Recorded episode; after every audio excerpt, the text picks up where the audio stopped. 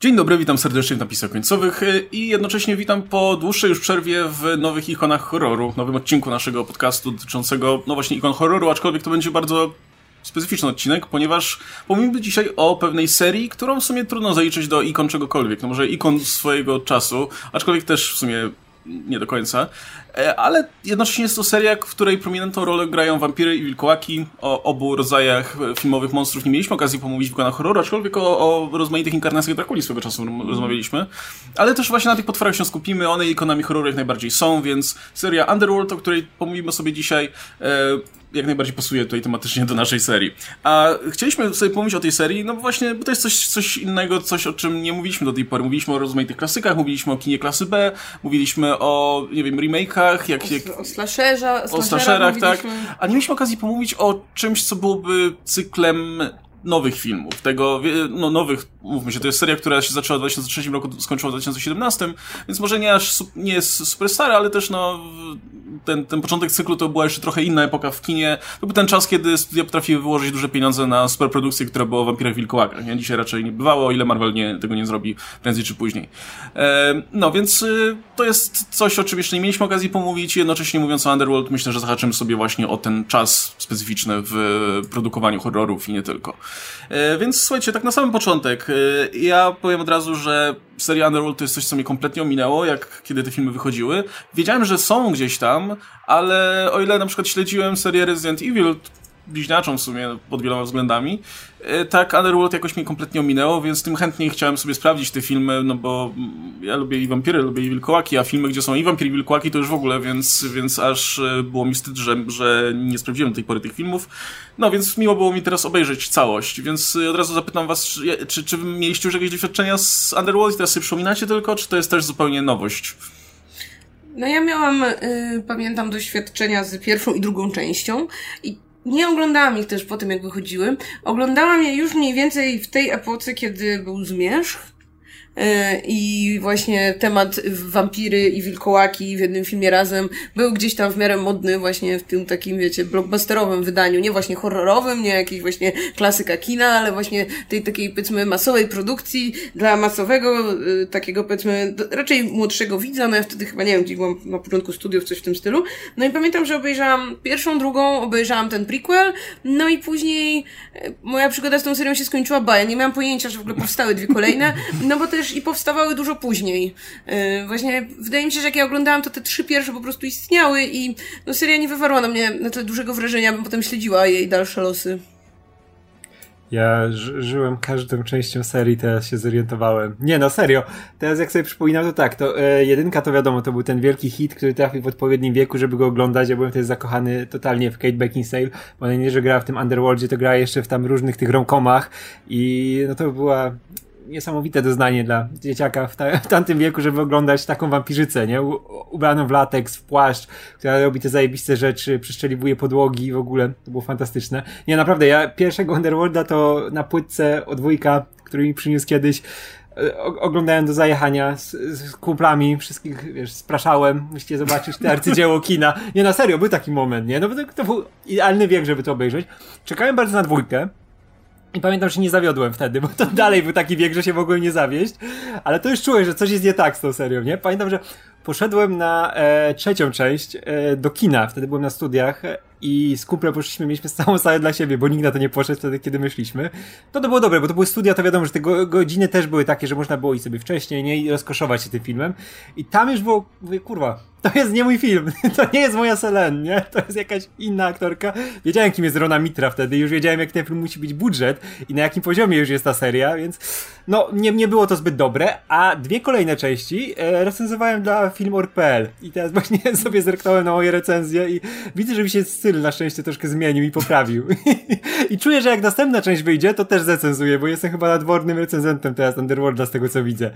No, więc kto, tam możecie moje opinie długie przeczytać w tych filmach, bo tu nie będzie na to czasu. Więc tak, żyłem tą serią cały czas. W sumie mija 5 lat już od ostatniej części, to by e, jeszcze, jeszcze rok myślę i powinna nowa powstać, bo ostatnie widzę wychodziły pięć lat było między właśnie Tak, czwartą tak. a piątą. No, więc, y, znaczy, no te, te odległości tutaj, znaczy te, ten y, przerwy czasowe się powiększały, nie? Mieliśmy 3 lata, potem 3 lata, potem właśnie, yy, nie, potem znowu 3, potem 5, więc no teraz może po 5 latach też powinno wyjść jeszcze w, jeszcze w tym roku może, no ale, ale chyba się nie zapowiada. Yy, to już ten moment chyba, Chyba kiedy... moda minęła, tak. No, znaczy ja Tak. wie, też Kate Beckinsale zdaje się, że odgraża się za każdym razem, że nie wystąpi, nie chce już występować, ale mówmy się, Nie. jak będzie dobry Nie, nie, klimat... nie. Powiedziała- nie, nie, ale też że jakby wspominała, skrosowali że- z Blade'em, to by przyszła, więc... mm. Ale też wspominała jakiś czas temu, że, nie, że nie, nie widzi pomysłu już na to i nie ma żadnych tam głosów, żeby była następna część, ale jakby coś się pojawiło, no to może, może. Po co innego, no. Nie no, ja się nie zdziwię, jak wiecie, przyjdzie czas za, nie wiem, jeszcze parę lat, kiedy nagle te filmy staną się tymi nostalgicznymi, wiecie, produkcjami, do których, do których e, e, masa ludzi będzie, które, masa ludzi będzie wspominać i nagle się okaże, że no może jednak zróbmy taki film po latach i... Underworld na, Underworld na drodze gniewu. I tylko będzie, będzie Michael Corwin powróci, wiesz, do żywych i Omejda z głównym bohaterem, będzie odwrócenie Mad Maxa. Był, wiesz, to co z nim robili w tych częściach, to będzie teraz odwrócone, że będzie miał co robić w końcu. No dobra, słuchajcie, to tak, nie będziemy raczej mówić o każdym filmie po kolei, raczej jeśli już będziemy się do nich odnosić, no to w, jakimś tam kontekście. Aczkolwiek też warto zaznaczyć, że no przez to, że w zależności od tego, jakie te... Jakie były różnice między, między premierami tych części, no to widać, że też e, no ta seria się zmieniała pod względem też tego, jak zmieniało się kino, jak zmieniało się to, co jest popularne wtedy, nie? No bo wiadomo, że te filmy nie powstawały tylko dlatego, że na etapie, wiecie, piątego, piątej części jeszcze ludzie chcieli koniecznie Underworldu, tylko no, widzieli, widzieli pewnie producenci jeszcze jakąś tam e, siłę w tej marce i próbowali ją dostosować do tego, co aktualnie było popularne. Stąd widać w momencie, wiecie, kiedy w telewizji królowała Gra o Tron, no to widać masę tych zimowych klimatów na przykład w tej ostatniej części, I nie? aktora Fu- z Gry o Tron. Aktor, Y, tak. Dwóch co najmniej. Dwóch aktorów z Gry o Tron. Dwóch, to- Wszyscy chodzą w tych futrach, w ogóle śnieg i tak dalej i, i wiadomo, wszyscy czekają na inwazję wilkołaków powoli. E, No, w tej twierdzy po prostu jak wiesz, Winterfell, nie? No, więc- Fajnie ten klimat. No, s- y, jest ten motyw, y, wprowadzili też któryś, właśnie w tej ostatniej części ten motyw z, z szkoleniem młodych wilkołaków, co też jest taki, wiecie, w, miało pewnie w, jakoś tak mm, nawiązywać do tych wszystkich filmów Young Adult, gdzie mamy tych młodych tutaj, młody narybek, który musi się szkolić w jakiejś tam... y, Kurczę, że zgarnęli tego, tego Tio, jak on się Theo nazywa? James. On tak, który był wtedy w tym on był wtedy Divergent. chyba jeszcze, czy przed, czy w tym, sam- może w 2012, nie pamiętam. Ale na- na- Już jak, jak, dwój, jak dwójkę kręcili, to już było w czasie tego No, Divergent, no, że on no. miał tam problemy na planie, dlatego go mało było z tego, co pamiętam w tej piątej części. Tak, tak, on był zobowiązany, żeby wrócić, tylko dlatego się pojawił. Aczkolwiek pierwotnie w ogóle ta część ostatnia miała się już, e, miała mieć nowego bohatera w postaci tego typa. Co, co już nam pokazuje, że właśnie tak producenci kombinowali, nie? O, ten, ten gość wystąpił już w tym filmie, który, który był popularny, no to zróbmy z niego gwiazdę teraz. Ale że jestem zdumiona, że tutaj że był takim sympatycznym typem, bo pamiętam, że o Jezu, ten ten Divergent był absolutnie nieznośny, ale ja myślę, że te, teraz wiem, że to po prostu był problem tamtego filmu, może niekoniecznie jego jako aktora. Tak, mówimy o serii Underworld, gdzie masa postaci wypada bardzo antypatycznie i nawet jak się starają, żeby było inaczej, nie? To Wszyscy są tacy bardzo, nie? Tak, Tacy są intensywni, tacy są... tak. Tak jakby reżyser podchodził i mówił, zagraj te emocje bardziej i... No właśnie, to jest, to, to, to, mnie, to mnie bardzo fascynuje, szczególnie w kontekście naszej głównej bohaterki, e, tutaj Celine, która jest właśnie taka bardzo poważna i małomówna i no to w pewnym stopniu no to wynika z tego, kim ona jest, czym się zajmuje, no jest on, w ramach, w ramach tej całej historii, w ramach tego świata, ona jest jednym z Death Dealer, czyli tej specjalnej jednostki wampirów, które się zajmuje eliminowaniem wilkołaków, nie? Więc no ona jest zasadzie, w zasadzie maszyną do zabijania i no dziwnego, że tak wygląda też jej kreacja. Problem jest tylko taki, że ona oczywiście nie rozwija się specjalnie w kolejnych filmach, nie? Jakby nie, nie mam wrażenia, żeby...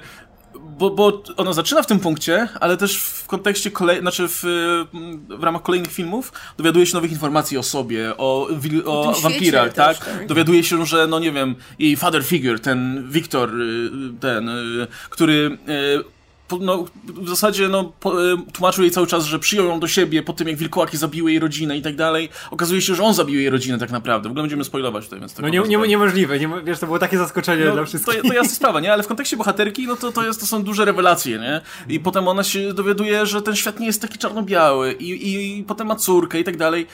Że ona cały jest taka sama i, i nic się absolutnie nie zmienia w jej charakterze, w jej, w jej sposobie bycia i tak dalej, co no jest trochę...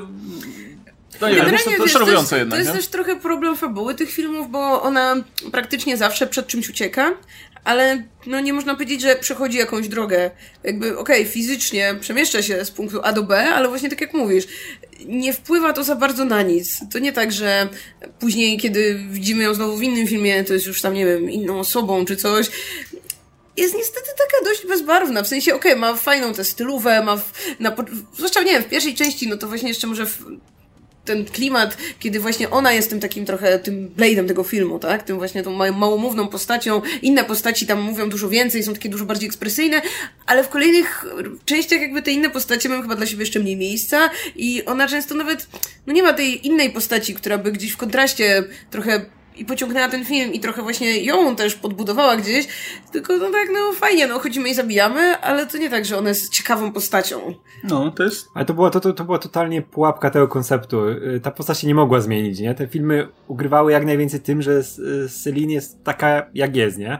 Że no, tak, tak się prezentuje. Wiemy, że te jej ruchy wszystkie, te spojrzenia, nie? No to było wszystko tak wyćwiczone i tak powtarzane w każdym filmie, bo y, twórcy wiedzieli, y, kto, kto na to chodzi, nie? Kto, kto chce oglądać, kto razem z tą serią dorasta i jak to ma wyglądać, nie? Szczególnie po tym, po tej trzeciej części, nie? Gdzie odeszli od tej bohaterki, później musieli do niej wracać, nie? Bo tam to nie, nie, nie było takim wielkim hitem, nie? I to, to gdzieś tam na boku było. No a te filmy cały czas jednak zarabiały konkretną kasę, nie? I one, do dzisiaj cała seria jest tam e, mocno na plusie, więc nic dziwnego, że się tego trzymali. I jest e, kilka takich serii, które no nie mogły się rozwijać, nie? Mogły coś tam próbować, mogły kombinować, ale ten, ten core musiał się nie zmieniać. Też, no, ja bardzo lubię Kate Beckinsale, ale no, ona też aktorsko nie, nie, nie miała tutaj miejsca na, na rozwój, nie? Nie miała tutaj nic do roboty. To jest bardzo podobne do tego, co się z e, Resident Evil dzieje, nie? I jak Mila Jowowicz tam się prezentowała, nie? Że też musiała grać cały czas to samo, nie? A wiemy, że ona się potrafi pobawić rolą, jeśli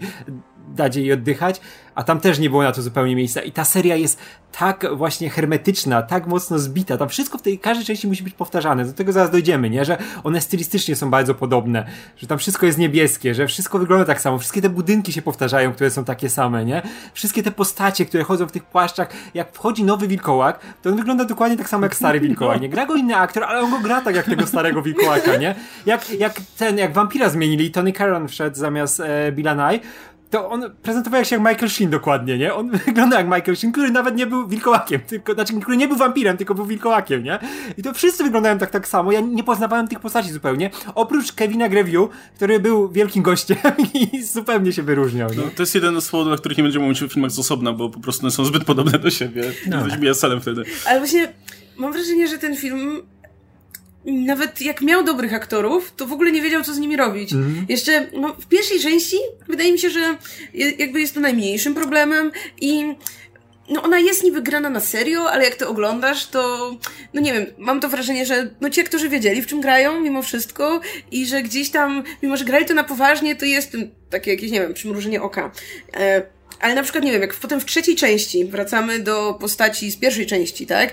I kurczę, to mamy, nie wiem, Michael Sheen, który jest absolutnie świetnym aktorem, on tam, on tam w ogóle nie ma co robić, jakby, jakby, nie dość, że jakby, no nie mam, mam wrażenia już w sobie nawet tego, co miał, kiedy był w pierwszej części, yy, jako, nie wiem, jako... Gdzie próbował, nie? Tak, tak. Jakby, jakby dawał się wszystko w tej Dokładnie, mam wrażenie, że w tej trzeciej części to on się tam zgubił się na planie, a, autentycznie było mi go tak szkoda, bo ja, ja, go tak lubię na ekranie, no i przecież On się wiemy, dużo lepiej bawił w Zmierzchach niż tak, tutaj, no właśnie, nie? Wiemy, że to jest ten aktor, który nawet jak jest w filmie obiektywnie nie, niezbyt dobrym, to robi właśnie co może, żeby ta jego prezencja zawsze gdzieś tam właśnie odcisnęła swoje piętno na tym filmie. W tym prequelu to chyba on też po prostu wiedział, że ten film tak totalnie nie ma sensu. Jakby powstawanie tego filmu nie, nie ma żadnego jest... sensu. To jest e, totalnie jak, jak on biegał bez tej koszulki, nie? I tam był tym przywódcą, który tutaj bunt wilkołaków Chodzi tam ryczy na tym wilkołaki. Nie, ja mówię, chłopie, idź ty Frost Nixon zagraj albo coś takiego, bo tutaj nie. To jest tak jakby, nie wiem, e, Hugh Grant nagle Tora zagrał w Marvelu, nie? I, i, i tak latał z tym młotem, z gołą klatą, nie? I mówię, no nie, bar, bardzo go lubię jako aktora, nie? Ale nie widzę go w tej roli. Dokładnie tutaj też jako bohaterki na akcji. Michael Sheen, no nie sprawdza się zbytnio, nie? W pierwszej części to jeszcze działa, ale...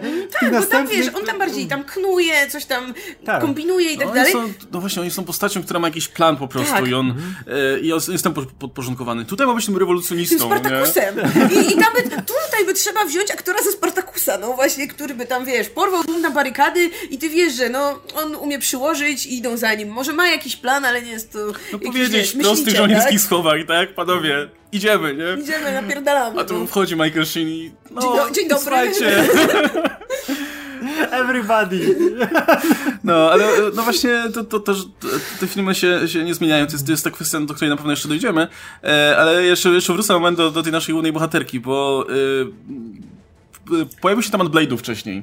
I właśnie zacząłem się zastanawiać, czemu Blade w tych pierwszych dwóch częściach jest tak fajną postacią, mimo że teoretycznie też jest tym małomównym, wiecie, typem, który chodzi z kijem w dupie, dosłownie w sumie ma ten miecz tak wetknięty, nie?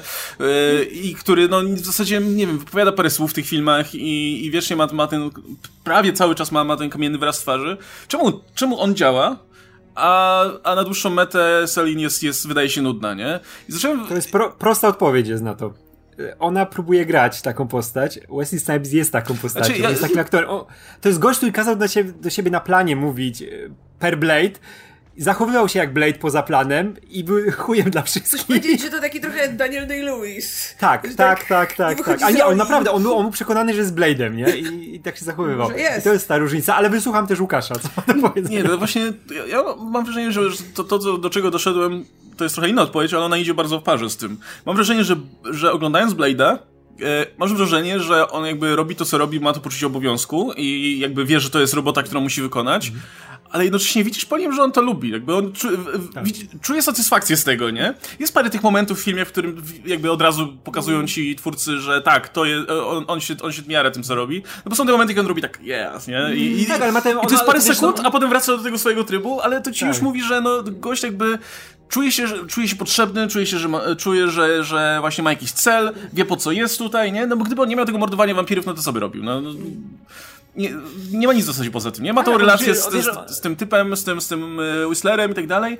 ale widzisz, że to jest coś, co, co on faktycznie lubi. Gdzie oglądasz Celine i masz wrażenie, że to jest kurna, że... że chociaż- Obowiązek. tak, że to jest obowiązek, ale też w sumie fabularnie to jest też wytłumaczone, że ona jakby nie zależy na tych wampirach specjalnie, ona chce tylko dorwać tych wilkołaków, co jej zabili rodzinę i to jest jedyne, co, co jej z kolei przyświeca, nie? Jakby i przez to, w tak, przez to, że to jest postać, która jest właśnie, ma tą kamienną twarz i jest w sumie bardzo poważna i tak dalej, jeszcze jak doładujesz jej na plecy ten, ten wiesz, te, ten bagaż postaci, no muszę dowieść się, kto zamordował moją rodzinę, no to już jest w ogóle mogiła, nie? Gdzie w Blade'zie masz jednak tego typa, który po prostu, no, chce mordować te wampiry, no bo, Tak, bo trzeba. Wiesz, i, Bla- I Bla- Blade w każdej części robi to samo. On nie ma tego, on nie może mieć tego momentu, żeby rozwiązał swoje sprawy, nie? Bo tego się nie da rozwiązać. On zawsze będzie miał kosę z tymi wampirami. A Se- Celine, ona rozwiązuje wszystkie sprawy w pierwszym filmie. Ona dochodzi do tego, do czego miała dojść i ona nie ma po co już robić tych rzeczy, które robi w następnych filmach, nie? No niby z tym, Mike, tym e, Michaelem, Michael Corwin, tak?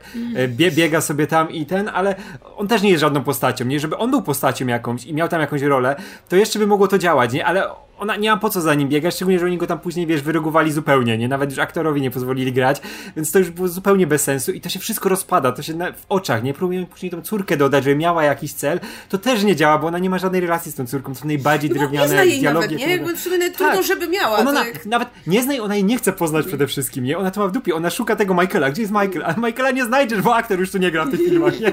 Sorry, nie? Księżniczka jest w innym zamku.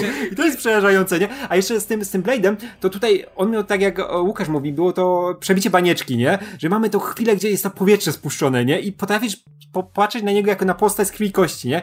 Na nią nie potrafisz tak popatrzeć. Jak mamy tę scenę, jak on rozwala, wiesz, głównego bossa i mówi, wiesz, że niektóre skurwysyny zawsze żeglują pod wiatr, nie? To jest zajebiste. I wiesz, że on, on jest szczęśliwy, że to zrobił. Nie udało mu się i może dalej zabijać te wampiry.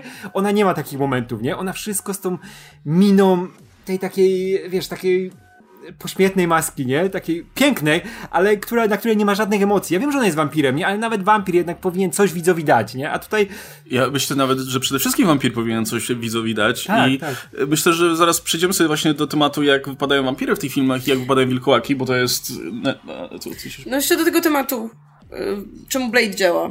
Jeszcze dosłownie jedna rzecz. Właśnie, bo tam masz jako kontrast, masz ten drugi plan, który tak jak on jest super poważny, to oni wręcz przeciwnie. Oni są over the top i to razem działa, bo właśnie oni też nie są, wiesz, otoczenie Celine też jest poważne, też wszyscy są smutni. I jasne, jeśli ktoś jest teatralny, ale dalej jest tylko w, tryby, że jest wkurzony, że chce ją dorwać i tak dalej. W Blade'ie zawsze masz, no przede wszystkim masz tego jego kumpla z warsztatu, który no... Jest za... cynikiem starym. Tak, tak, jakby zupełnie właśnie tą postacią, która idealnie przekłuwa ten balonik, przełamuje to. Plus no, zawsze masz po stronie tego Wilana, zawsze masz kogoś takiego, kto...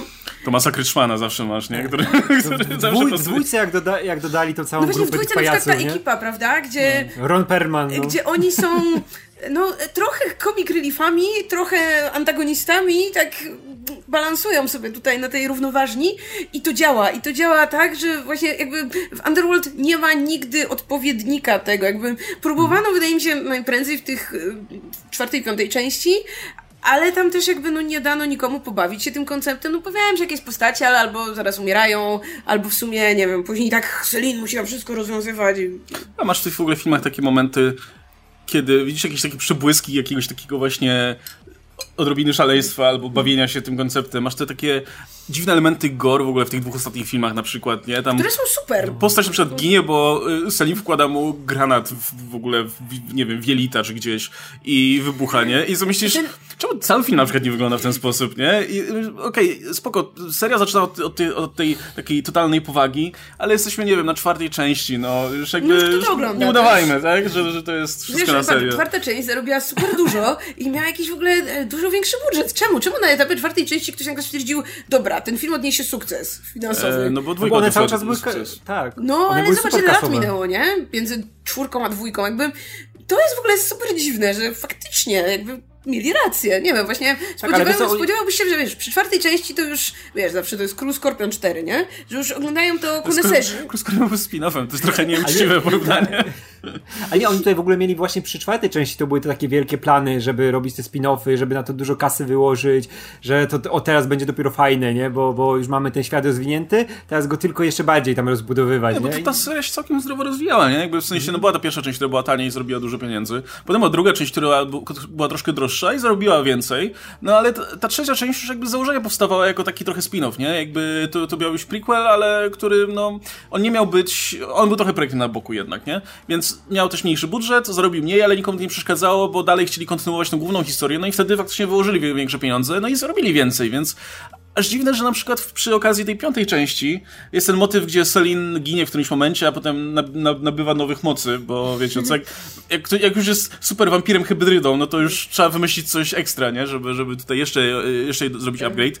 Tylko, że ona się pojawia z tym, nie wiem, na koniec filmu i to mm. zajmuje chwilę. Gdyby ona tak w połowie filmu się pojawiła jako, kurczę, super Selin z białymi włosami, napierdalała rzeczami, strzelała laserami czy coś takiego, no to myślę, że to też jeszcze by dało radę coś na tym ugrać. To jest jakby ten moment, jak ona ten, e, leży na tej krze i nagle pod tą wodę wpada i ma te, ona ma zawsze te poetyckie, te hajku zawsze układa, nie? Zawsze mam te momenty, jak ona jakieś cytuje rzeczy i to takie napuszone, nie? I jak też, umierający wod... Diesel.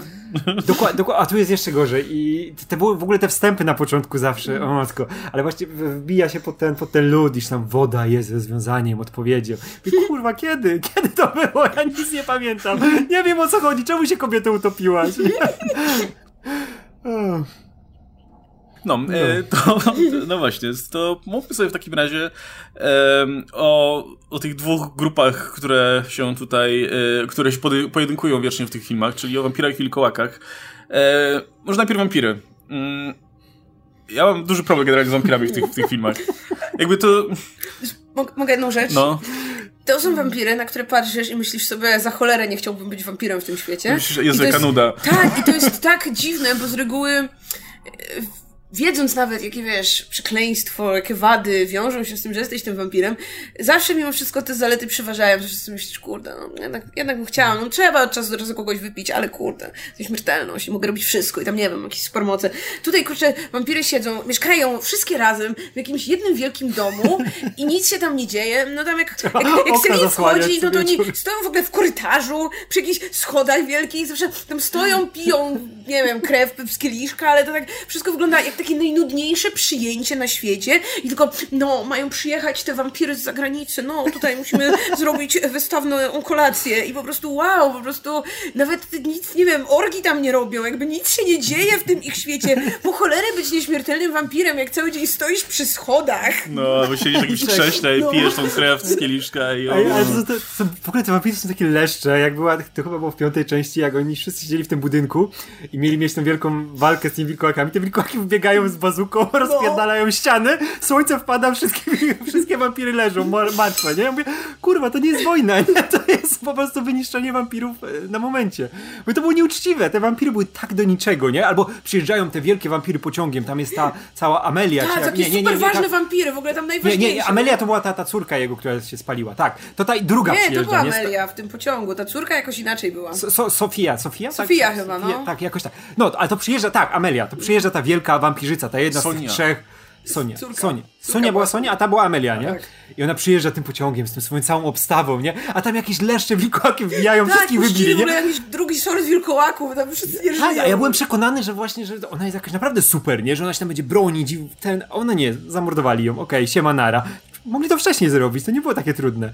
Czy w ogóle, znaczy, a, propos, a propos też siły wilko, e, tych wampirów, no bo jakby widzimy na czym polega ta e, siła tutaj wilkołaków, no jak się zamieniają w te wilki, no to są kurcze niepowstrzymane i w ogóle w e, kule się ich nie mają i tak dalej, no są te sposoby, żeby je zabić, ale, ale generalnie jest ciężko, nie? Natomiast te wampiry, no No, no, takie zwykłe ziomki, nie? I jedyne co tam jest, że no dobra, są silniejsze trochę, czy coś takiego. I, od, i, i ja dlatego na przykład lubię drugą część, bo tam ci pokazują wreszcie tego wampira, który, y, tego, y, Markusa, Markusa. który, no jest, okej, no jest super silnym wampirem, więc kurwa wygląda jak jebany człowiek nietoperz, dosłownie, nie Batman, tylko człowiek nietoperz. Y, I ma te wielkie skrzydła i wygląda, wygląda faktycznie jak wampir. I to jest super, bo ja, ja mam wrażenie właśnie, że okej, te młode wampiry, niech wyglądają sobie jak, wiecie, jak, jak e, obsada Young Adult, ale te, te, te stare powinny wyglądać cool jakoś, nie? Jest na przykład motyw, jak w tej pierwszej części wyciągają tego Billa Nye'a z, z komnaty, w sensie jego postać. Nie wiem, czy Billa Nye'a trzeba wyciągać z komnaty, że nie. Może też go później tak, wiesz, trzeba, Bilana jak się wyciąga, też go trzeba tak krwią, nie? Ale wyciągają go, jest taki, taki w ogóle zniszczony, wygląda jak taki kurczę do sferatu po prostu, nie? I mówię, ale cool, ale super, nie? Ale zaraz wraca do siebie i po prostu Bill Nye. I myślę sobie, kurde, jak- jakie bardzo trasło w ogóle. Dlatego bardzo lubię na przykład tego drugiego Blade'a, gdzie jak, jak się Thomas Kretschmann pojawia, to wygląda jak kurczę połączenie tego Drakuli starego, y, tego Olf, y, y, no, Oldmana z Nosferatu, nie? I to wygląda fantastycznie. Y, I są to takie momenty, jak nie wiem, Bill Nye tam komuś nagle kark skręca, tak, y, którąś, wa- którąś wilkołakowi, tak bez problemu zupełnie. I sobie myślisz, wow, no to nieźle, nie? Ale one, one nigdy praktycznie nie pokazują tych swoich umiejętności, nic Nie, takiego. to są One, wampiry, które chyba przez ten film nikogo nie przemieniają. No, Jakby wiecie, No. one w ogóle nie piją krwi, jakby. No, okej, w czwartej części to się chyba dopiero zaczyna, gdzie nawet Celine zaczyna nagle po prostu pić krew ludziom, czy coś takiego. Mamy to, mamy w, w ostatniej części mamy to z Sherlocka, Irene Adler, która pije z takiego kurwa kielicha No. wielkiego krew. To jest najlepsza scena. No, jak pije, to w ogóle tak, te krew z tych żyłach Tak, jak widać, czy coś. I, to- no i, i spoko, niech, się, niech, niech robią takie rzeczy, więcej tego, nie? Ale tak poza tym, no to faktycznie, ja, ja się posłużę tutaj y, inną serią, Zmierzchem, gdzie y, mamy tych Volturi, którzy, którzy są tymi, tymi super wampirami, którzy siedzą w tym cholernym Rzymie na tych tronach, też nic nie robią. Ja pamiętam, że jak to zobaczyłem, mówię, kurwa, jakieś starodawne wampiry, które po prostu mogą sobie robić wszystko, bo rządzą tym całym światem i nic nie robią, tylko siedzą na tych tronach. I nawet wyglądają na śmiertelnie znudzonych, nie? I tak potem oglądam te, te Underworldy i myślę sobie, kurwa, tutaj wszystkie wampiry są takie, nie? Z jakiegoś powodu. W tych zmierzchach, chociaż te normalne wampiry robiły coś, nie? Sobie zamiesz- mieszkały w jakichś kurwa pałacach czy gdzieś, grały w baseball chociaż, No. cokolwiek. A tutaj po prostu chodziły, siedzą w tej willi i tyle, i patrzą się. I nie, w ogóle te wampiry w ogóle nie są bohaterami tutaj. Jakby dużo więcej poznajesz tych wilkołaków. Ja, ja Wiecie, strasznie, że... wilkołaki są dużo fajniejsze, a nigdy nawet nie pozwalałem im być no poza tym prequelem. Może jakby powiedzmy centralną punktem widzenia, czy siłą No, no jakąś ale jeszcze taką. o tych wilkołakach pomijmy, bo to też Tak, jest że wilkołaki to super, że oni są rodziną i te takie ziomki tam się znają, kochają, nie? A te wampiry, kurwa, jak przecież ten Craven chodził w tej pierwszej części, to cały czas tak...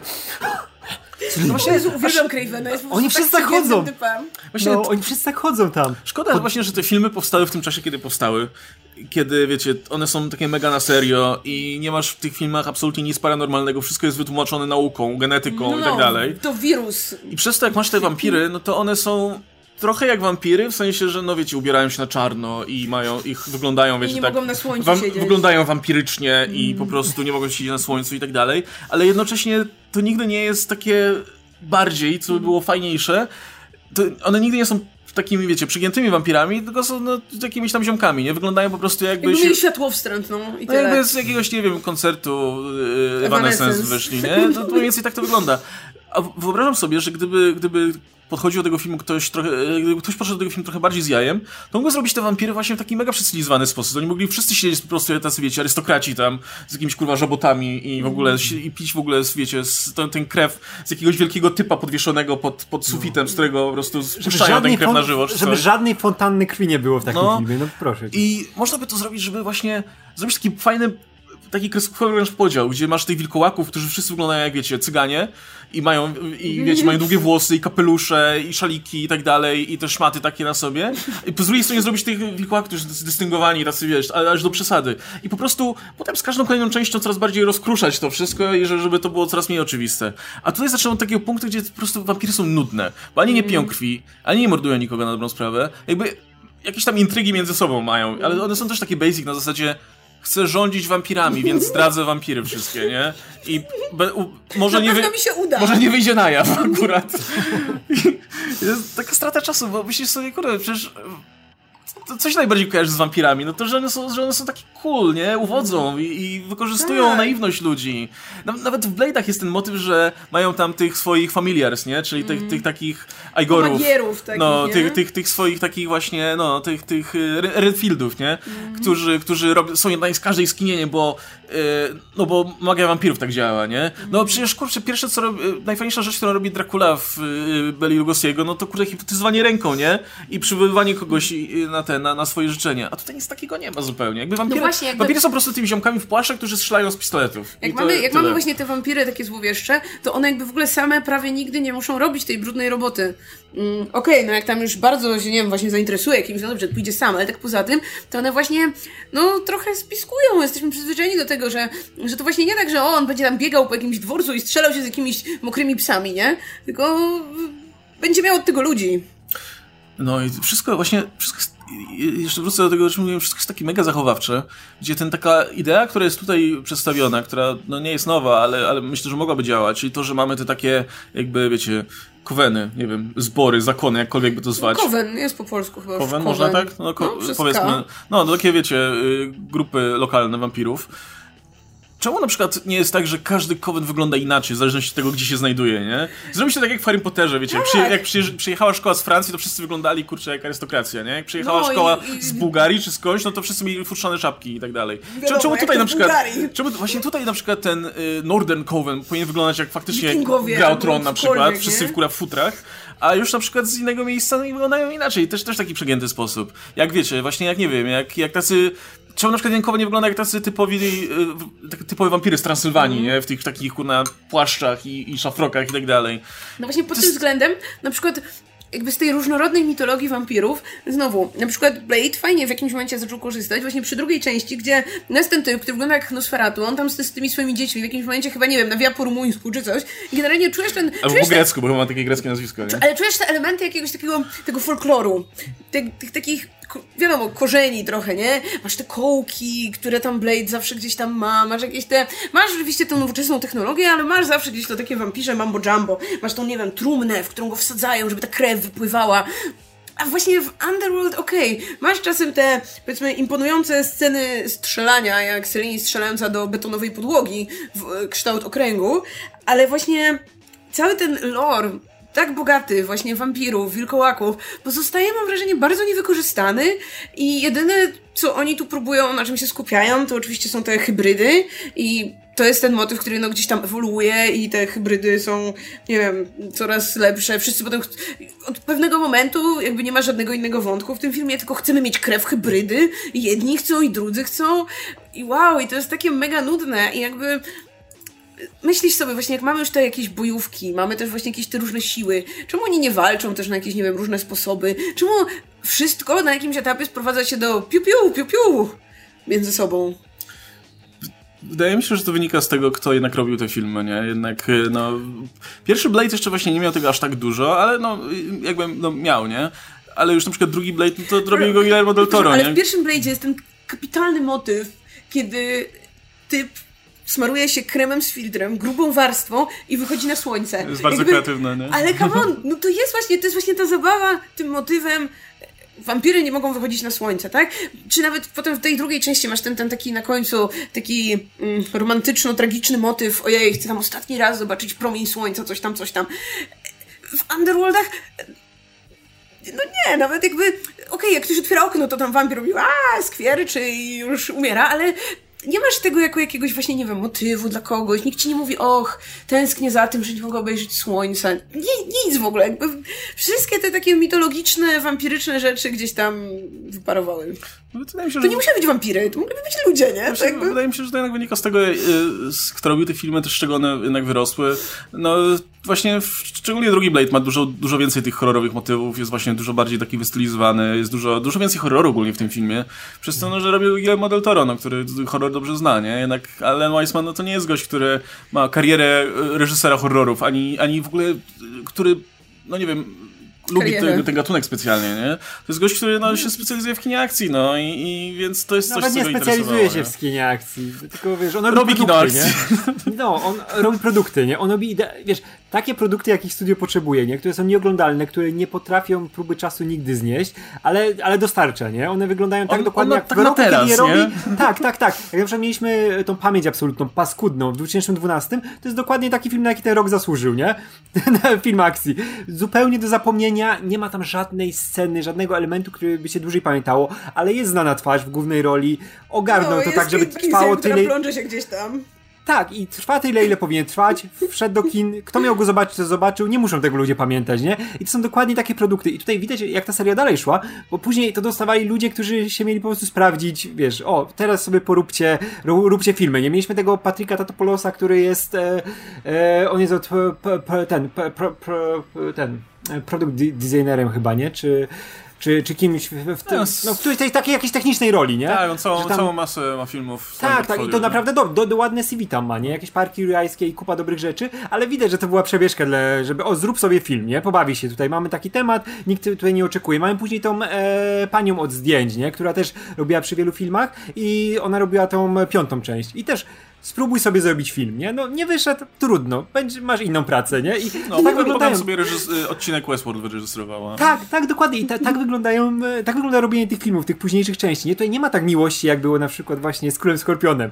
Tam komuś zależało, tam, y, tutaj brakuje Roela Reniego. O właśnie, nie? Jak, Oni mu dać tą piątą część chociaż, no. no. Tak, Ej, czwartą, piątą. To byłaby pewnie najlepsza. najlepsza była, On by tam biegał z tymi wampirami, nie? Tak. Ron Perlman by się pojawił. No. Tak, Wilkołaka by zagrał albo wampira Victor Webster i by było super. O, to byłby ten element crossoveru z Blade'em, nie? Przyby tak, tam, by, wiesz, tam by ktoś przebił tą banieczkę, by było troszkę humorku, nie? Troszkę akcji, przygody, Ja bym tam fantazy. dostał wreszcie takie wampiry z różnych stron świata na przykład, nie?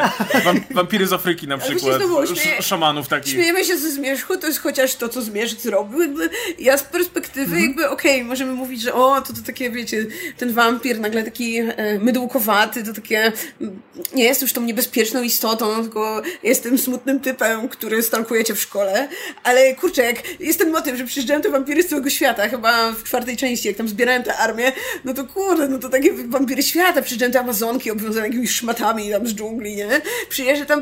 Gdzie one tak mieszkają tam, nie? W ogóle, no, gdzie tam... w sercu dżungli! I do Stanów też tak przyjechały, nie wiedziały, że tam w, w Forks jest super zimno, nie?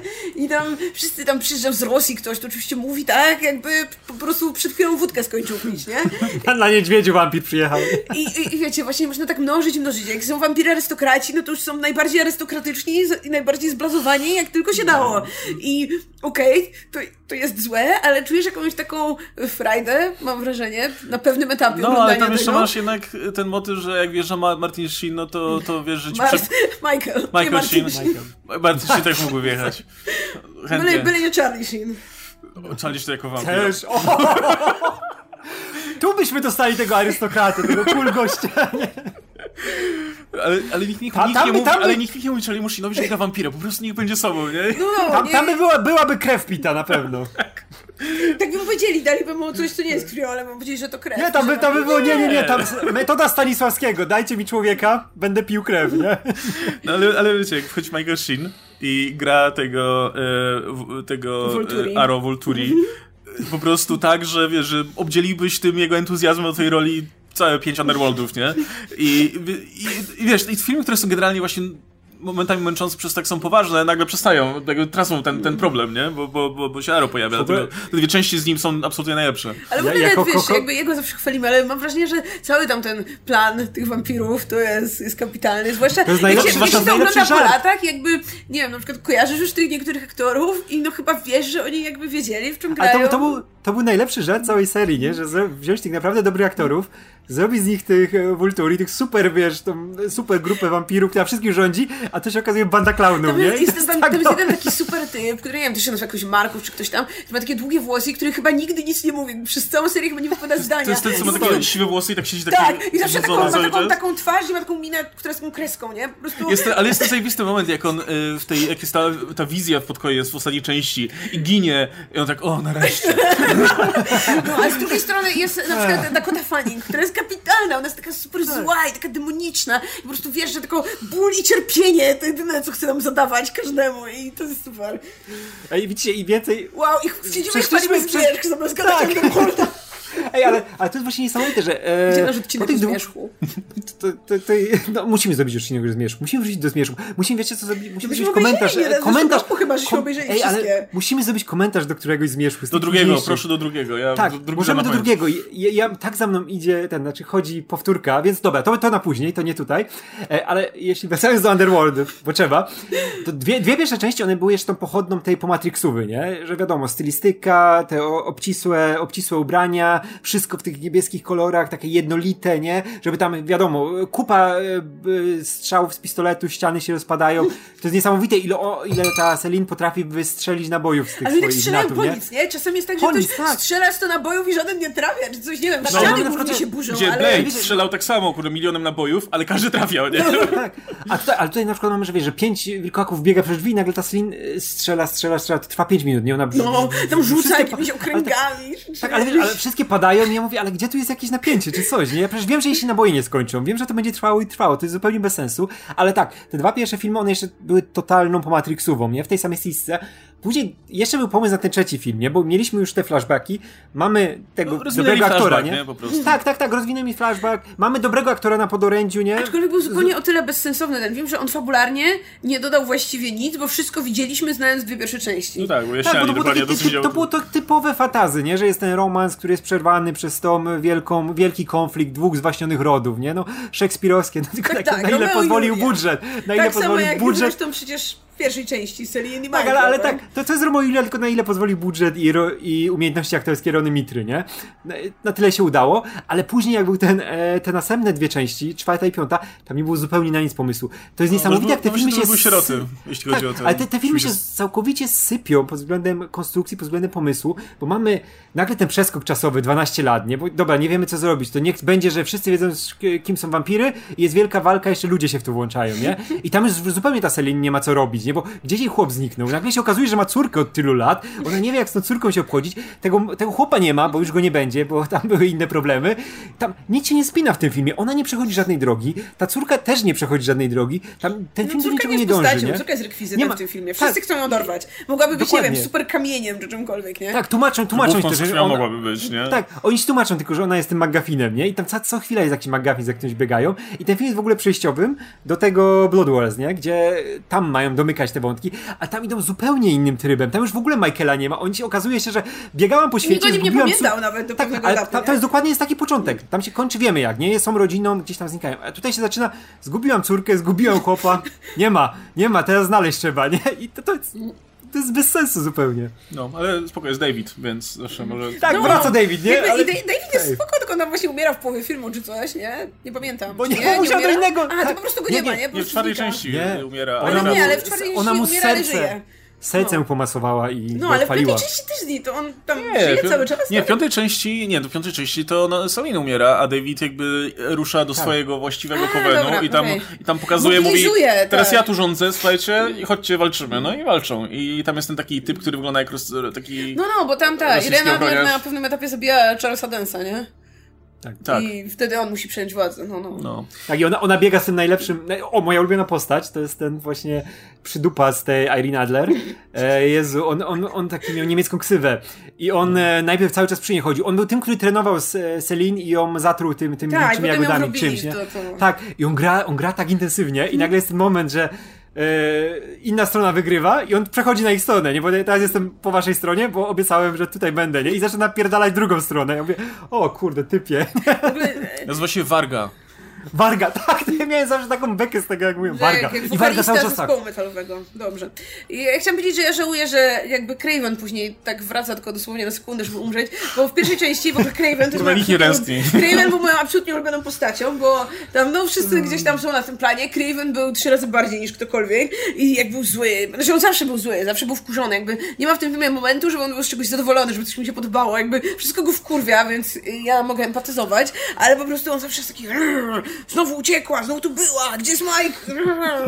I, ale przy tym ma ten taki, ma tę grzywkę taką trochę na oczach, takie włosy, nie to długie, nie to kręcone, krótkie, takie trochę, takie, nie? właśnie one nie są ani długie, ani krótkie, jakby No. jego fryzura jest każda. Jak ten, no... On wygląda jak Scott Speedman i oni się mylili przez cały film. Mówię, czemu on jest teraz wampirem Scott Speedman? Też był Właśnie, nie no, i właśnie kurczę, i ten Craven, który tak bardzo chce właśnie przejąć władzę, że tu zdradza wszystkich, w sumie nie wiadomo po co. I, Nie wiesz. I później w drugiej części tak, a dobra, 5 minut pożyłeś, do widzenia. I, Jezu, jak on idzie do tego, że ożywiła te, tego Wiktora i tak idzie, kurwa nie, ożywiła Wiktora, nie, chuj, popsuła moje plany. Ja mówię, ty nie masz planu, chłopie, nie wiesz co się dzieje, wszystko się sypie. Ja, najgorsza postać. no. E, czy jeszcze coś o, o wampirach mamy do dodania? O, War, Warga grał w tego, e, e, Króla Artura w Merlinie. Dobrze go pamiętałem. O, okej. To Tak. Faktycznie znajoma twarz. A to tak się wcieli w tę postać, że nie poznałem aż, kurczę. w ogóle ja, ja bardzo lubię to, jak, jak e, w zasadzie wampiry są proste do ubicia w tych filmach. Wystarczy po prostu je wystawić na to światło słoneczne i, i, i to tyle. Jest ten taki motyw, gdzie po prostu w którymś momencie wilkołaki wpierniczają się właśnie i rozwalają ściany i to tyle. Jakby tyle wystarczy, żeby po prostu je roz, rozwalić. A, a, a jednocześnie w tych filmach pokaz, pokazują nam tą wojnę jako tako, taką, wiecie, Wyrównaną, wyrównaną cały czas, nie? I tylko, że co jakiś czas pokazują ci jakąś taką jedną rzecz, która myślisz sobie, jakby mogłaby od razu odwrócić jakby szale tutaj. Odwrócić szale, można tak powiedzieć? Przychylić Przychylić szale. szale. Przechylić odwrócić. O, co można Losy. Odwrócić? odwrócić losy. I, na przykład y, pokazują ci nagle w którymś momencie, że o, wilkołaki mają te takie kule na światło słoneczne, które kurwa Blade używał wcześniej. I, i sobie myślisz, że to są wilkołaki tego nie używają cały czas, nie? Ale no, no nie używają. No, Lepiej potem rozumiem, zmieniłem jak, się w wilka i próbowałem tam ich ugryźć, nie? że jak jesteś wilkiem, to nie utrzymasz tego pistoletu, to jest bez sensu zupełnie. Nie? Mnie gubiły te pistolety. Potem, potem były takie mm, mm, mm, takie uszy spuszczone. Kupiłam. Bo je skupowały przyjeść. Ej, ale, ale nie na serio, to było, to było tak bez sensu. Ja, ja byłem za wilkołakami przez całą serię, bo mówię, te wampiry są do niczego i wilkołaki były lepsze. Te wampiry nic nie mogły wyjść z tego budynku, tylko zbliża się dzień, kurwa, zasłaniamy okna i szybko, żaluzje. Bzzz, o nie, nie zdążymy! Żaluzje, tak, tak, nie zdążymy, nie zdążymy, żaluzja leci, nie, schowajmy się. A te a wilkołaki wyjebane, idziemy do sklepu, do żabki, nie? Rano jest, można iść. Ale jednocześnie wilkołaki, właśnie wampiry, chociaż mają tę jedną wypasioną rezydencję, w której mieszkają, wilkołaki zawsze mieszkają w jakichś kurza kanałach, barakach, jakby do ostatniej części. Mimo, Co- że co też wilkołaki tam wojnę wygrały na jakimś etapie. Nie, dalej mieszkamy w baraku Ej, na ale- budowie. Co Ale się to jest dzieje? bez sensu, przecież one, one mają budżet, żeby zrobić te naboje ze światła i na wszystko, nie? To czemu nie Mają mogą tych super naukowców, znaczy w jedynce mają tego super jednego naukowca naukowca. nazistę, nie? Takiego No. typowego. E, No, no, to później widocznie już nie znaleźli innego naukowca. Może powinni zarazić po prostu. Powinni znaleźć naukowca, a potem go zarazić. Być, No właśnie, w tym filmie własnym. nikt nikogo nie zaraża. Tam w pierwszej części chyba mówią, no, no, że to jest wirus i że jakby on tak rzadko się w ogóle przyjmuje, że po prostu większość ludzi umiera, no bo jakby nie jest w stanie ich organizm jakby przyjąć tutaj tego wirusa i to w sumie tyle. No chyba, że jesteś Michaelem, To przyjmiesz nawet dwa, to ale... Mary Sue tego filmu, więc po prostu mogą ci wszyscy ugryźć, a ty jeszcze zamienisz się w super, super boga, nie? O Jezu, ale dobra, Michael, Michael... Rzecz... Nie, nie, to zanim o Michaelu. Nie. Najpierw, najpierw jeszcze o wilkołakach musimy Okej, pomyśleć. Jak już jesteśmy o tym, że mieszkają w tych barakach, to No jeszcze o wilkołakach. Wilkołaki mieszkają w barakach i... Chłopaki z baraku, Jeszcze, wilkołaki z tak, baraku. i ja, ja nie rozumiem, jeszcze tak e, w kontekście w ogóle całej serii. Mnie bardzo ciekawi to, że te dwie pierwsze części, które, no mówmy się, na, na nie jeszcze był jakiś pomysł. One stanowią tą jedną historię i, i one są takie, jakby wiesz jeszcze czemu te filmy powstały. E, w kolejnych częściach jest już trochę więcej tego, tej dziwności takiej, wiadomo, że tam są takie skrawki pomysłów, część się przyjmuje, część nie. Trochę tego Resident Evil jest w tej czwartej części, tro, trochę, trochę czegoś tam innego i tak dalej. Ale w tych dwóch pierwszych filmach ci tak próbuję nakreślić ten konflikt na zasadzie, widzisz go trochę tymi oczami Selin, nie? Że na początku myślisz sobie, no, zabijamy te wredne wilkołaki, nie? My jesteśmy spoko, tutaj wampiry, ale nie pokazują ci tych wampirów, jak, nie wiem, mordują ludzi czy coś takiego, więc co myślisz, no, te wampiry to fajne, nie? Takie spoko. E, tylko te wilkołaki tam, kurde, niszczą pewnie wszystko, nie? Bo to chyba bestie dzikie. Ale i to jest, i to jest okej, okay, no bo potem w trakcie filmu, e, dwóch filmów w zasadzie, dowiadujesz się, że, że, że to nie wygląda w ten sposób, nie? Jeszcze ci do, do, do, dowalają tym, tym prequelem na koniec, że pokazują ci te wilkołaki jako ofiary w zasadzie, nie? Tak. Zaszczute po prostu ofiary. Niższą klasę, niewolników wręcz. Tak, właśnie... że, jakby cała wojna, dowiadujesz się teraz, że ta cała wojna wynika z tego, że po prostu po, po, chciały się uwolnić po prostu ze swojej niewoli, nie? Bo Wiktor stwierdził, no. że niewolników sobie stworzy. No i jakby w trakcie filmu też się dowiadujesz, że to nie jest tak, jakby nie jest takie oczywiste wszystko, że ten konflikt ma, ma jest, nie jest czarno-biały, że yy, i wilkołaki, i wampiry miały czarne owce i, i, i niekoniecznie musisz być zły, jak jesteś wilkołakiem i tak dalej. Jest ten moment, że poznajesz w ogóle tego Korwinusa, poznajesz tam Derek Jacobi przyjeżdżał No, ludziom, to jest nie? Derekiem I... Jacobi takim zmęczonym. Tak, ale no, on, on, mam właśnie dosyć jest tego wszystkiego. Ale wydaje mi się, że jakby to jest paradoksalnie, nie wiem, jak na całą serię, dosyć ciekawa postać, no bo właśnie, no on widzi ten konflikt i on widzi te czarne owce, a z drugiej strony, kurczę, no to są to jego dzieci, wnuki, czy tam już, wiesz, jacyś tam potomkowie i generalnie jest ten taki odcień szarości trochę w tym wszystkim, prawda? Że no, on też jest nieśmiertelny, ale coś tam, coś tam. No ma tą organizację no. i on się zajmuje chowaniem tego konfliktu, no. Zastanawia się, jakim cudem w ogóle, y, przecież ani wampira, ani wilkołaki wcale się stara nie starają, żeby, żeby nikt ich nie, nie, no, nie zauważył. To nie są nic. wampiry, które przestrzegają maskaradę. No, to... ale spoko, jest Derek Jacobi na posterunku, on załatwi tutaj wszystko i spoko, nikt no. się nie dowiaduje o tym, nie? A potem czwarta i piąta część, chuj, do kosza. No nie, ale właśnie najgorsze jest... Dalej wilkołaki są super złe i... No tak, właśnie w czwartej i piątej części wilkołaki są kurwa złe prostu są wilanami, jakby chcemy zamordować wszystkich chcemy i ogólnie... zamordować to dziecko, bo chcemy wziąć jej krew. No, w no tak, dali, dali tego Mariusa, największego skurwysyna, który tylko chodzi i... Nie, to w piątej, to w piątej. No, no, piątek, ale... tak, tak, no ale dali, on, on był tą twarzą, no, motywację. Ale w, czwartej części jest ten twist, który na papierze jest ciekawy, w filmie to działa trochę gorzej, ale, ale jest taki właśnie ten twist, że no, tak naprawdę wilkołaki stały za czystką i wampirów i wilkołaków. Co myślisz, kurwa, jakie suki nawet swoich pozabijali, tylko żeby utrzymać tą fasadę całą, nie? Żeby później rządzić światem Właśnie, wiesz, zestawiasz to sobie z tym biednym Shinem, który jest tak naprawdę tym tragicznym, skrzywdzonym bohaterem w pierwszej części, jakby jest w miarę przyzwoitym typem, jak no. na w ogóle okoliczności wojny i jakby w ogóle potem jeszcze wiesz, poznajesz jego backstory i tak dalej.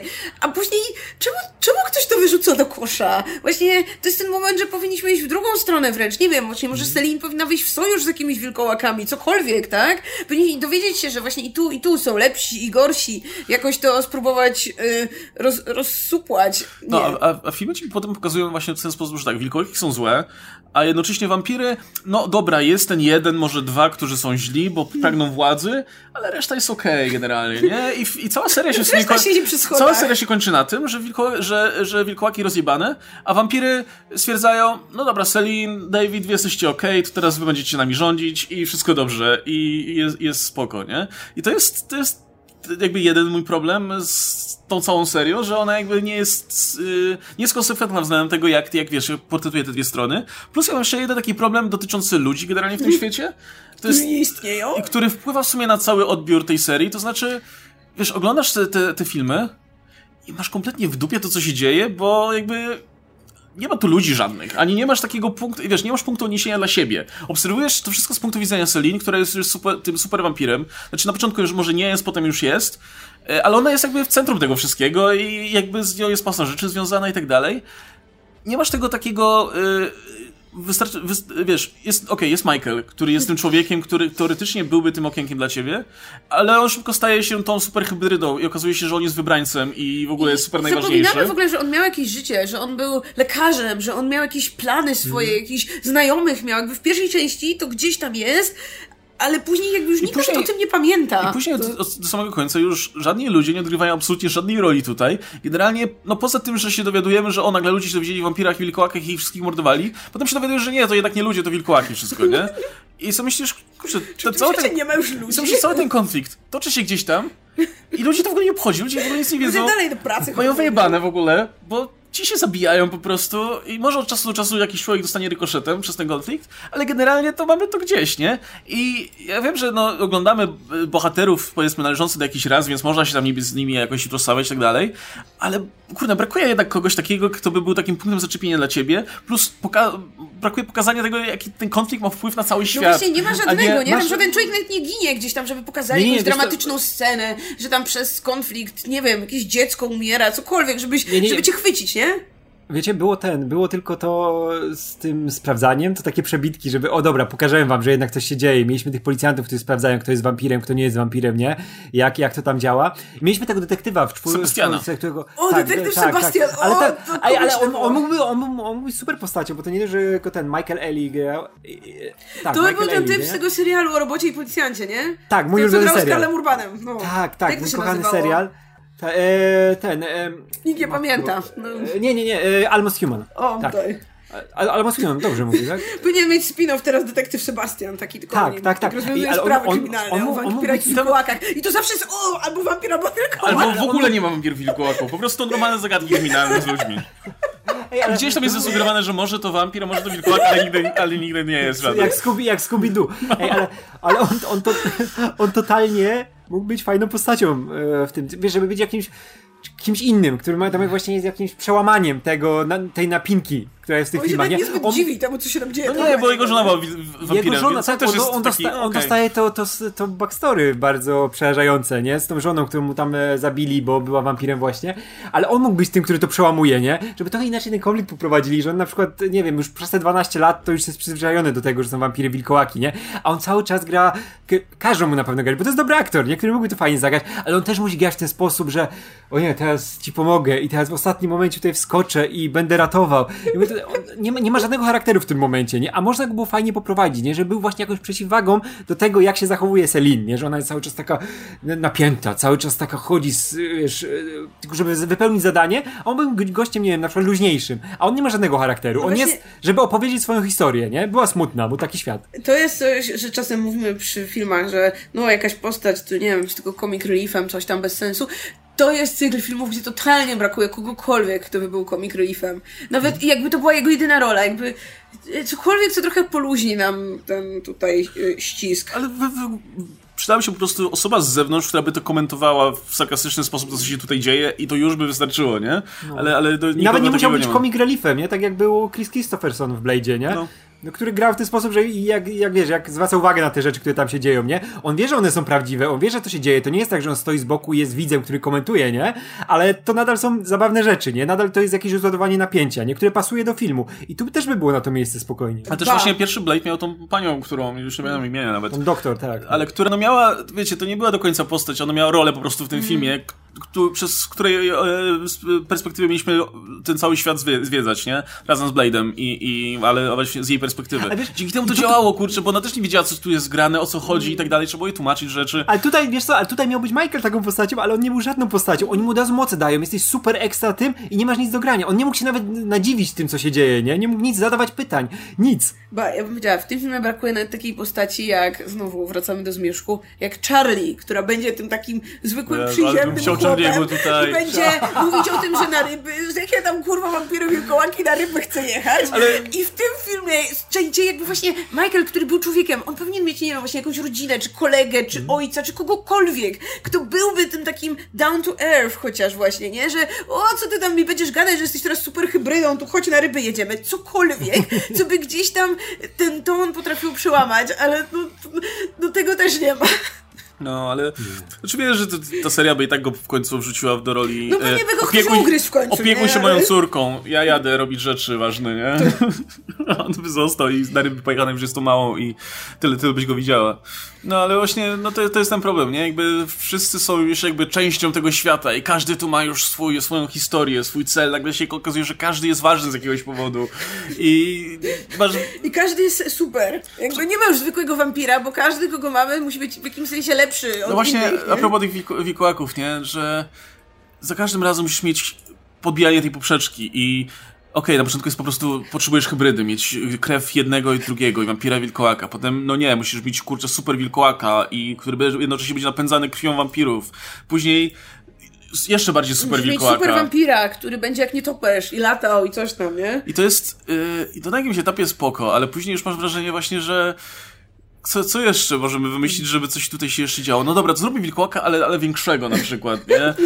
I, i żeby, yy, albo tak, w ogóle nie trzeba motywu z tymi hybrydami, bo to też, znaczy tak, to, to, to, to jest kwestia, która, gdzie jednocześnie bym chciał pochwalić te filmy, szczególnie te dwie, dwie pierwsze części, bo wilkołaki wyglądają cool w, ty, w, w tych filmach. Moim zdaniem to jest jeden z fajniejszych wilkołaków w ogóle w, w kinie, przez to, że y, udało się im znaleźć taki całkiem spoko balans między CGI a, a praktycznymi efektami. Przynajmniej tych praktycznych efektów jest bardzo dużo tutaj i aktorzy fakty, jakby musieli faktycznie mieć ludzi w tych kostiumach, na tych takich y, specjalnych y, szczudłach y, w kształcie tam kończyn, Łap. e, tak, wilkołaków. I to to widać, no kurczę, jak coś jest przed, przed, y, przed kamerą, to faktycznie to widać. Jasne, są sceny, gdzie to CGI wypada gorzej, jak te wilkołaki biegną tam po ścianach czy coś, ale jak już masz aktorów, którzy faktycznie muszą stać w, tych, w, tym, w tej charakteryzacji, super to wygląda. Transformacje w ogóle wyglądają fajnie, mimo że też są w CGI, to, i- i tak prezentuje się naprawdę fajnie. E, ale, i, I mówię, większość wilkołaków wygląda fajnie. W kolejnych częściach już jest różnie, bo oni też w tej czwartej części jest ten motyw, gdzie tych wilkołaków już jest mniej czy coś i one są takie chude, więc już w większości robili CGI, a bo znowu, a, a, z drugiej strony, a z drugiej strony są to wielkie wilkołaki, więc też nie musisz robić CGI, bo są takie dojebane wielkie i, i to już jest takie, mm, okej. Nie, no jak masz ten pościg na autostradzie, gdzie biegną te poczwary CGI. No bo to są, tak, to, one są takie wychudzone, wyglądają jak, jak szkielety praktycznie, nie? Więc jakby, okej, rozumiem decyzję, ale no to nie wygląda już tak dobrze niestety. E, ale no mówię, w- szczególnie w tych dwóch pierwszych częściach, trzeciej też, ale w trzeciej widać, że budżet był mniejszy, a mieli więcej wilkołaków do pokazania, więc to był trochę problem technicznie, nie? E, ale, ale w tych dwóch pierwszych częściach wilkołaki wyglądają super. Ale potem masz ten motyw z tą hybrydą i Michael zamienia się w hybrydę. Jest po prostu... Ma szarą skórę i jest Michaelem Jezu, dalej, jest nie? absolutnie najgorszym designem czegokolwiek. Kurczę, całkiem fajnie wyglądają te wilkołaki. Czemu nie byli w stanie zrobić czegoś pomiędzy, co wyglądało dobrze, tylko po prostu, no, szary człowiek. A później jak masz tego, y, szary człowiek, a później jak masz tą, y, masz tą, Idealnie do Michaela. no, szary człowiek. Jak to, faktycznie. człowiek bez właściwości, nie? No. A później, a później masz tą córkę y, Celine, która jest tą taką y, hybrydą, ale od urodzenia, Więc lepszą. więc Hybrydą inaczej. hybrydy. Hybrydą hybrydy. Więc jest super hybrydą, taką rdzenną hybrydą i ona wygląda jak Pazuzu z, z, z egzorcysty.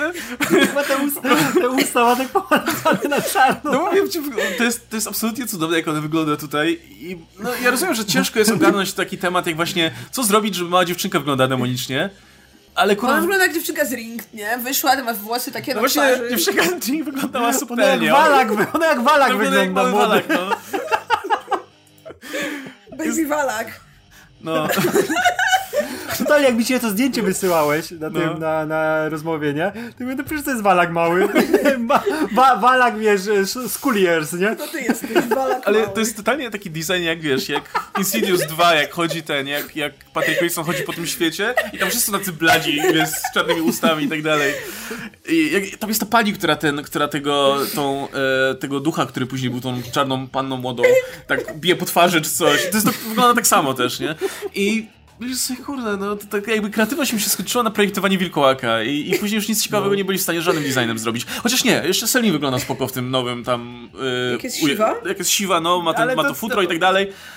To ona tylko ombre dostała, to jest wszystko. No, dostała to ombre, ale dostała też płaszczyk z futrem do tego, nie musieli mi tego dawać, ale dali. I Pewnie spoko, no. dywanik z Ikei doszyli, no tak jak w grze o Tron, nie? W ogóle Selin chyba traci w ogóle z jakiegoś powodu, a propos... Y, o, a propos fajnych decyzji de- de- designowych. To nie, jeszcze a propos wilkołaków. Podoba mi się to, że wilkołaki... Nie wilkołaki, wampiry mają tutaj błękitne te soczewki. To wygląda fajnie, bo wyglądają tak nienaturalnie bardzo.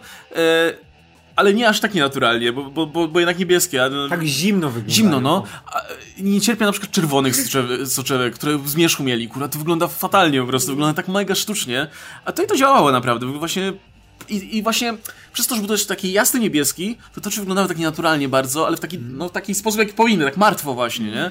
E, Pasowały do tych filmów, które są w chuj niebieskie. ale Celine Przepraszam, miała potem w ostatniej części już niebieskich oczu, nie, nie wiem o co, chodzi. No, Mam na, na plakacie, ale nie ma w filmie, więc nie wiem.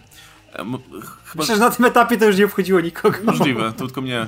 E, No, ale to, to też to, mówię, to takie szczegóły, które są całkiem fajne i, i które czasami działają, e, ale no niestety jakby ta kreatywność bardzo szybko skończyła. No, e, no i tak, tak jak wspominaliśmy, słabo, że te wszystkie wilkołaki też wyglądają tak samo, nie? No to jest jakby w ludzkiej formie. Jakby czemu, czemu też nie mamy wilkołaków, którzy ktoś może wyglądać jak, wiesz, jak bezdomny, a ktoś może wyglądać jak, kurczę, nie wiem, bohema, nie? Wszyscy I... wyglądają jak bezdomni. A wszyscy wyglądają jak ci ludzie, Bezdomni którzy faktycznie mieszkają w kanałach. I jeszcze na etapie pierwszej części, okej. No, bo oni się przegrali, tam, nie? tak, jakby są na tej gorszej pozycji, nie? Ale później, jak już właśnie wiemy, że oni ze wszystkim stali, oni wygrali, dalej tam ten, jak, jak mu tam, ten typ z ostatniej części, Marius? Mariusz. Marius. W ogóle, wow, dlaczego nazywa się Marius? Ale To- a propos- kojarzy mi się tylko, wiecie, z tym typem młodym z nędzników, nie? Który tam śpiewa, jak tam bardzo kocha kogoś przez płot. Mariusz, no po prostu, no, swojski Wilkołak Mariusz.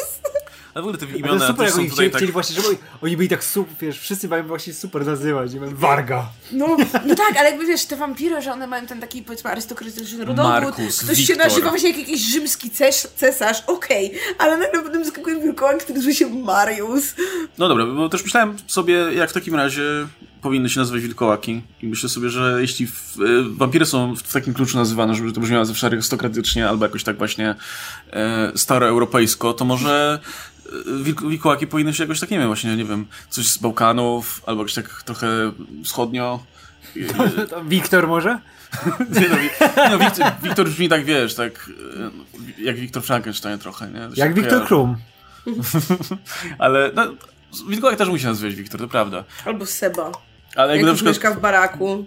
Ale właśnie mogliby te- też się tak ponazywać, tak, tak swojsko, żeby tak Bo- się Boris. odróżniały od tych, no, Boris, Boris, Iwan. no, no, no, no, Igor, no. E, dobra, słuchajcie, to tak, to przejdźmy sobie w takim razie do tych, e, do, do naszego Michaela, który łączy nam tutaj motywy wampirów i wilkołaków w jednym, Michael. w jednym ciele, Scotta Speedmana. No, wspaniały everyman, mm, który jest tak bardzo żaden, że zapominamy, że on jest w tych filmach.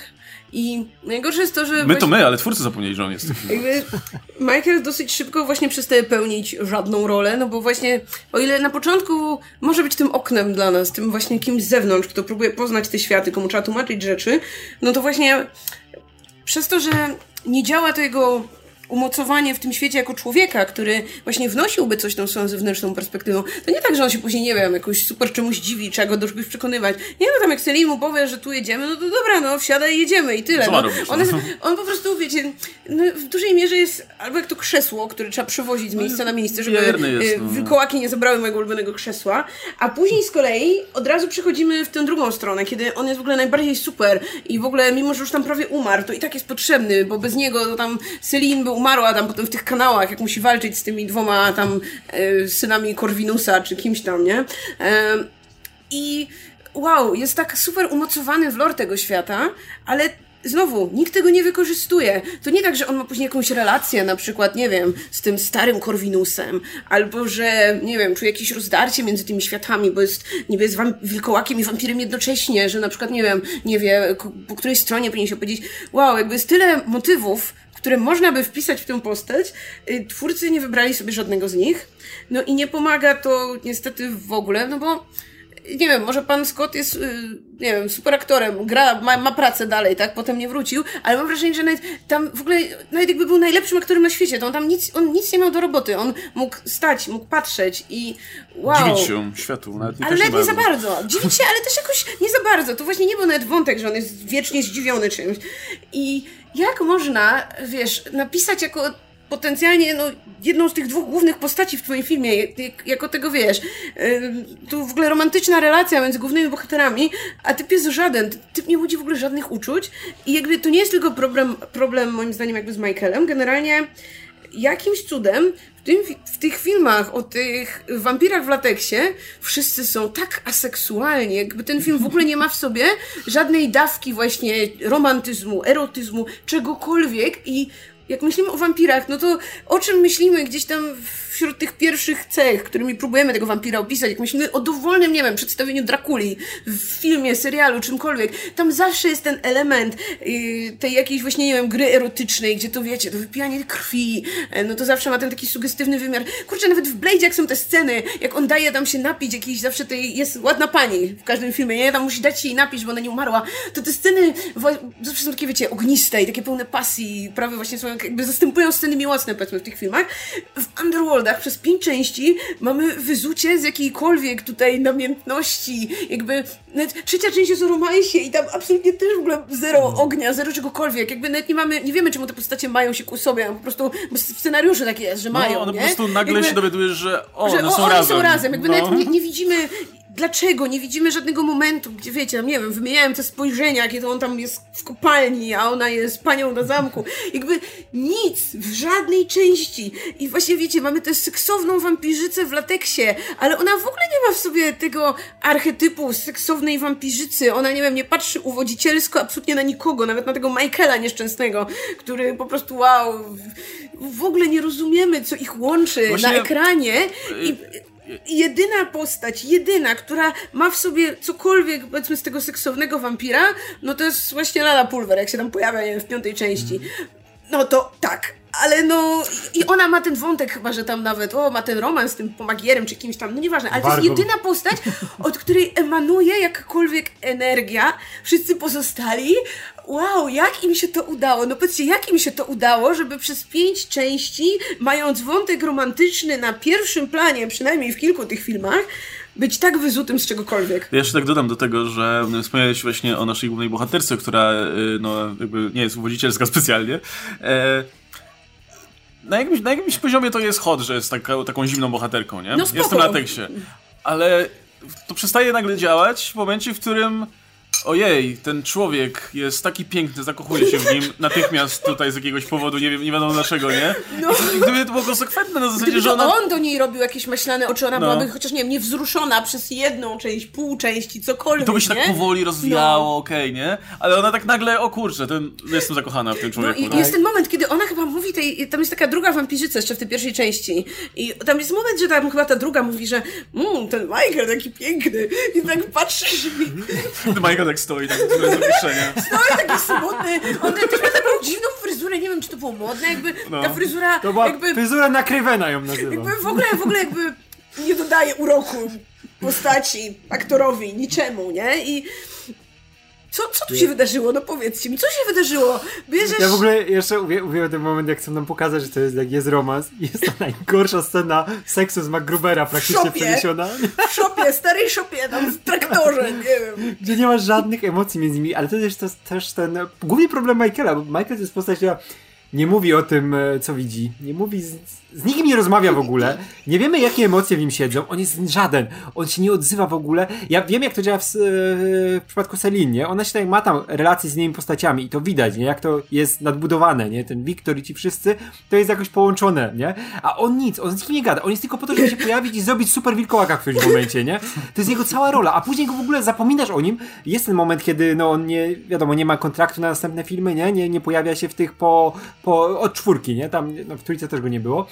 I nie zauważasz tego, że go nie ma, nie? Oni cały czas mówią, że tam, dobra, leży w tym zbiorniku, jest ta wielka miłość cały czas przywoływana, ale masz to w dupie zupełnie, nie? Nie obchodzi ta postać, bo on był tak zupełnie nijaki, to jest może i jedna z najbardziej nijakich postaci w historii czegokolwiek. No, jak można tak źle postać napisać, która ma być przeciwwagą dla tej głównej postaci, nie? Masz jej tak samo lubić, masz się przejmować ich emocjami, a tu masz go w dupie zupełnie, nie? I to, to, jest, to jest przerażające. To jest najgorsza postać świata. No, a wydaje, wiesz, w przypadku takiej postaci jak Celine, idealna byłaby postać z zupełnie innego bieguna, która by właśnie była wygadana na przykład, nie? I która by była taką, taką ty, takim typem postaci, która sama się przyczepi do niej i będzie, wiecie, jak, jak się ją wygoni drzwiami, to wlezie z powrotem oknem, nie? I Która ma za dużo emocji na przykład. No. Jak taka, I ona, ona ma, taka, ona ma czas. taka mienną twarz, prawda? A to byłby ktoś, kto tu się denerwuje, płacze, boi się, cokolwiek, nie? Że jest właśnie tym motorem tych emocji No, w tym związku. dla- Dlatego tym przywołanym, przywoływanym Blade'zie super się sprawdzał ten y, Norman Reedus, Reedus z drugiej części, który był tym, Który był jak naćpany, nie? tym jąziomkiem, surferem, który tam non-stop nawijał coś. Ty, oh, Mr. B, coś tam, tam. I to, to działało, bo ten Blade obok z tą kamienną twarzą wtedy on nie musiał gadać, bo w- po prostu byłeś w stanie Ja przeczytać tak wszystko z tej wiesz, twarzy. To trójka jest tragicznym filmem, ale nawet tamten Reynolds wprowadza ci jakieś przełamanie tego, z tego stoicyzmu Blade'a, nie? Coś ci do tego dodaje. I to, to było, stra- wiadomo, że to, to Ryan jest grający Ryana Reynoldsa na pełnej, to jest, to jest koszmar, ale to lepiej działało niż postać, która po prostu stoi, nie? Że ona, ja cię kocham, ma, ja cię kocham, Michael, nie? Kocham cię bardzo, a on, No spoko. No, w jedynce nie było takiej postaci, bo I on też nawet ta... nie, nie powiedział spoko, żeby powiedział, że spoko. On nic nie komentuje, on się nie odzywa. No tak, dobrze. E, ale w Nie jedynce, powiedział, on by nic nie powiedział. w, jedynce, w jedynce mamy tą Karen, która nie jest taką postacią, bo ona trochę inną rolę pełni, ale tam za to jest antagonista, który pełni tę rolę, nie? Który jest tym typem, który tak non-stop napierdala co coś, nie? I, musi być cały czas w centrum No uwagi. właśnie, który jak coś mu się nie uda, to się od razu super ze złości, jak coś mu się uda, to się super ucieszy. Właśnie to jest kreskówkowe, ale potrzeba, żeby ktokolwiek w twoim filmie wyrażał emocje, no. Widać właśnie, ja się, ja się zastanawiam się, z czego to wynika. Jakby, czemu, czemu te filmy tak wy, wyglądają? Poza tym oczywiście, że no nie wiem, ludzie, którzy pisali te filmy, może nie byli dostatecznie utalentowani, ale te filmy jednak są dzieckiem tych trendów, z których się wywodzą, nie? Czy to jest kwestia po prostu tego, że oni tak bardzo chcieli imitować Matrixa? No właśnie, bo w tym takim... Matrixie mamy te postacie, tylko że w Matrixie to działa. No w Matrixie mamy, Pierwszym wiecie, Keanu Reevesa w głównej roli na przykład, który no jest Keanu Reevesem w głównej roli, więc to mówi nie wiele. E, I jakby wszystko tam też jest takie bardzo na serio, poważne. Też mamy tą absurdalną po prostu scenę erotyczną w drugiej Tylko, części. już drugie, nie? Czyli Underworldy chyba były wcześniej, nie? Czy, czy nie wiem, nie wiem jak to się, na pewno... Mi się zlewa wszystko. Okej. Nie, czekaj, Underworld był 2003, no to jest wtedy, kiedy był Matrix. Czyli już drugi. byli po Matrixie, okej, no to faktycznie chyba tylko to ich inspirowało.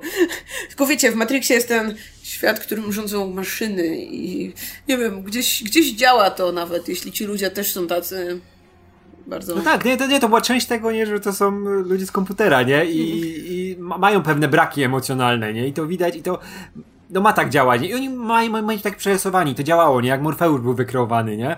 On też mało mówił, ale wiadomo, kiedy miał co powiedzieć, nie? I czemu się tak zachowuje. To wszystko pasowało. A tutaj nie ma w ogóle powodu, żeby wszyscy robili dokładnie to samo, nie? Żeby to jest przerażające. I to widać na przykład w tym momencie, jak e, Lara Pulver się pojawia, która jest super postacią. Ja ją uwielbiam w tej ostatniej części, bo ona właśnie jest takim przełamaniem. Ona się zachowuje zupełnie inaczej, nie? Ona cały czas tam robi te rzeczy takie wampiryczne, że musimy to zrobić. Warga, co ty odpierdalasz, nie? Tutaj daj, przynieś mi krew tą, nie? I- W jak ma scenę- pucharze, proszę. tak, ma, ma ten zajebisty puchar, który wypija trochę, cała się oblewa, rzuca go na ziemię później, nie? Albo mamy tą scenę erotyczną, gdzie ona bierze tego wargę, chodź tu warga, nie? O, I, i, I wiesz, sobie, kurwa, wreszcie, właśnie... tak, i jeszcze widzisz na jej twarzy takie, o, fajnie, fajnie, i to jest, to jest super. No, a wcześniej masz wampiry, które rolą. stoją.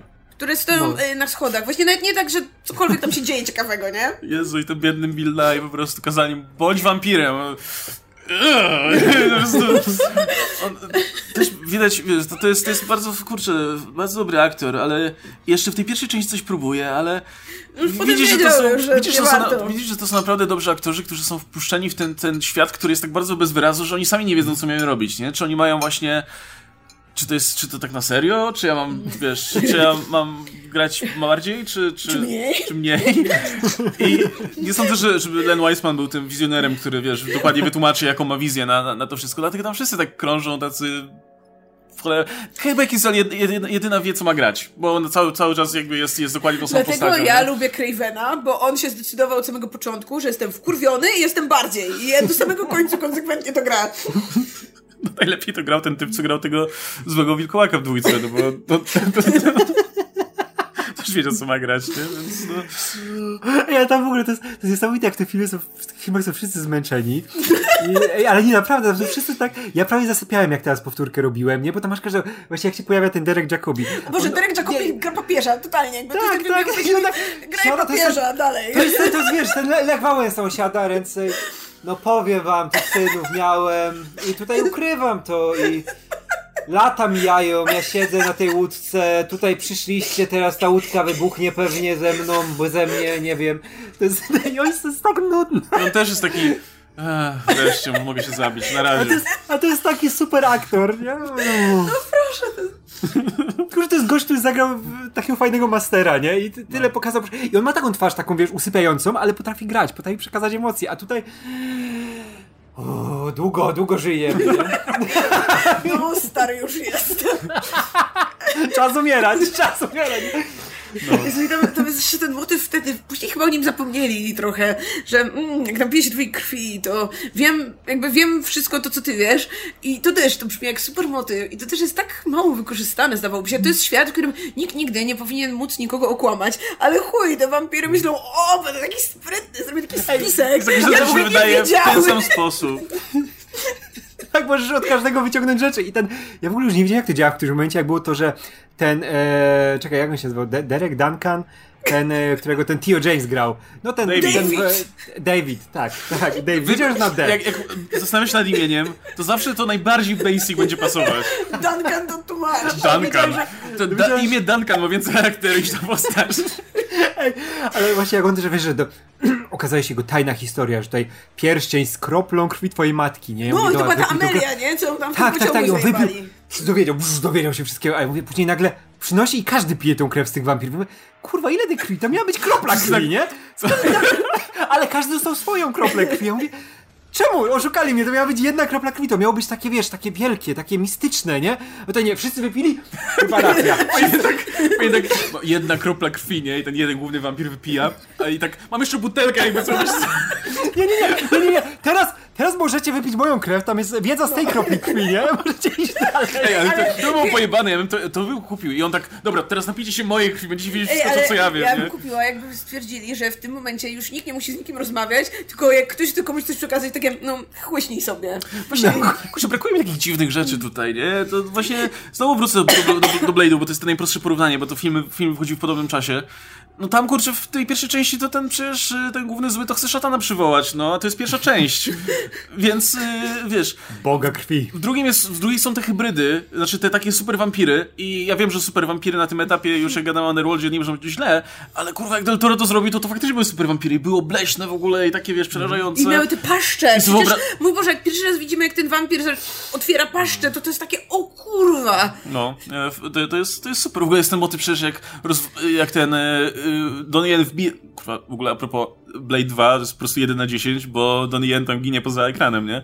E, i, a to jest kurwa drugi film, gdzie Donnie Yen jest członkiem jakiejś super grupy i po prostu od tak ginie, nie?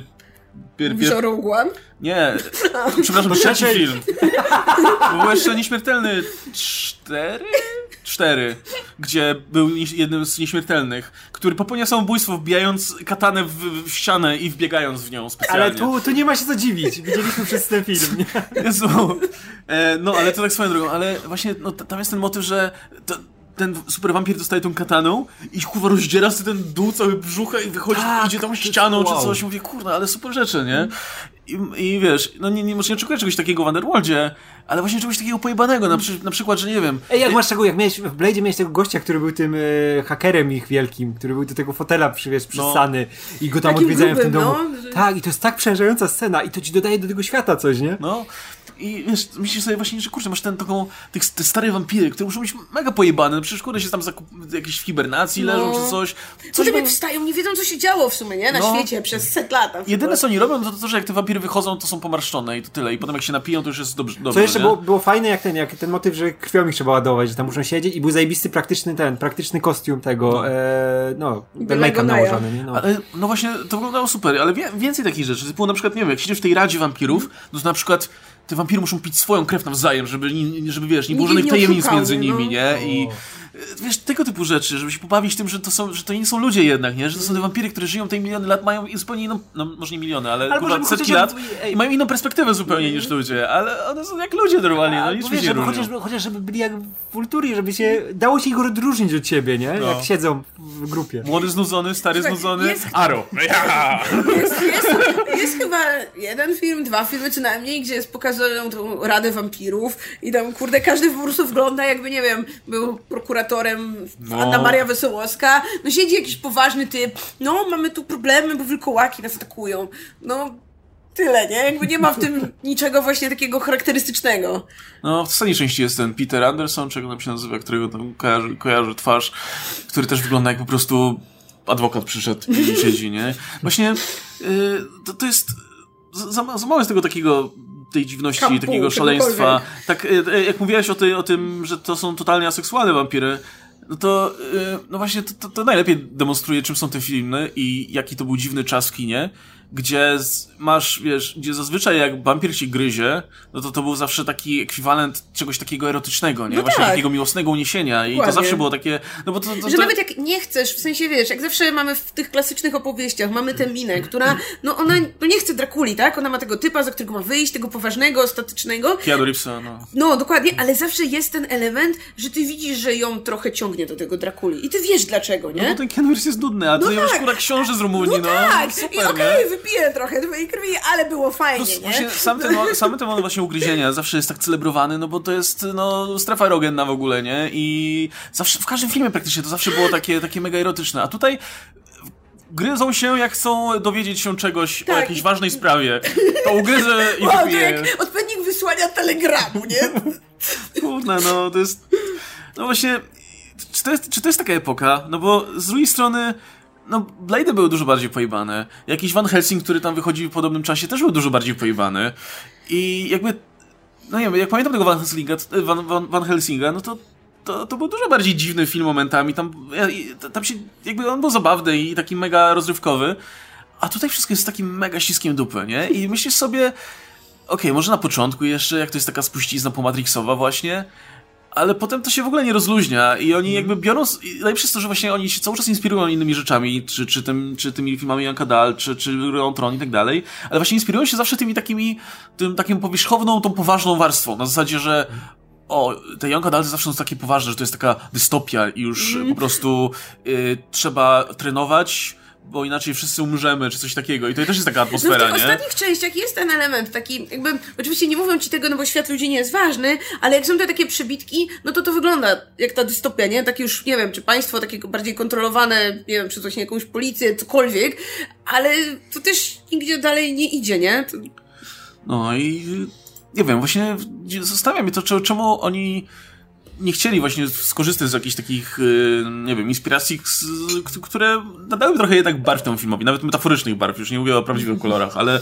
że właśnie pokombinować coś i, i popróbować, no bo kurczę, jeśli, jeśli Blade'y, które wyszły ciut wcześniej, były w stanie, wiesz, zrobić coś dziwnego i, i dodać w ogóle do mitologii wampirów coś nowego e, i, i nawet z tym takim wydawałoby się nudnym i oklepanym motywem typu o, wampiry e, modyfikują swoje geny, żeby być silniejsze, albo żeby wyleczyć się z, tej, z tego, wiecie, wstrętu do światła, czy coś takiego.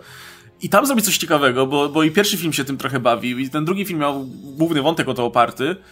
A tutaj jest na zasadzie cały czas tylko no, gryziemy się nawzajem i ganiamy za tą flaszką z krwią czy coś, czy, czy, czy dziewczynką, która w sumie jest ekwiwalentem flaszki z krwią. Wiesz, że tutaj by też e, dało się zrobić taki zimny, właśnie pozbawiony emocji film o wampirach. E, no tylko to by musiało być, wiesz, w jakiś sposób konkretny, wystylizowany, nie? A te filmy są zupełnie byle jakie. One po prostu, dobra, jebniemy ten filtr e, niebieski i będzie, będzie zimno, nie? Będą te takie wampiry, wampiryczne, takie ciekawe, takie mroczne i w ogóle, nie? No kurczę, da, da się właśnie zrobić te filmy, gdzie gdzie to jest takie zimne, te wampiry są takie odczłowieczone, ale dalej jest ta, wiesz, gdzieś ta seksualność tkwi. To, to co w wampirach jest przyciągające, nie? To, co chce, sprawia, że chcesz je oglądać na ekranie, nie? Że ci ciekawią.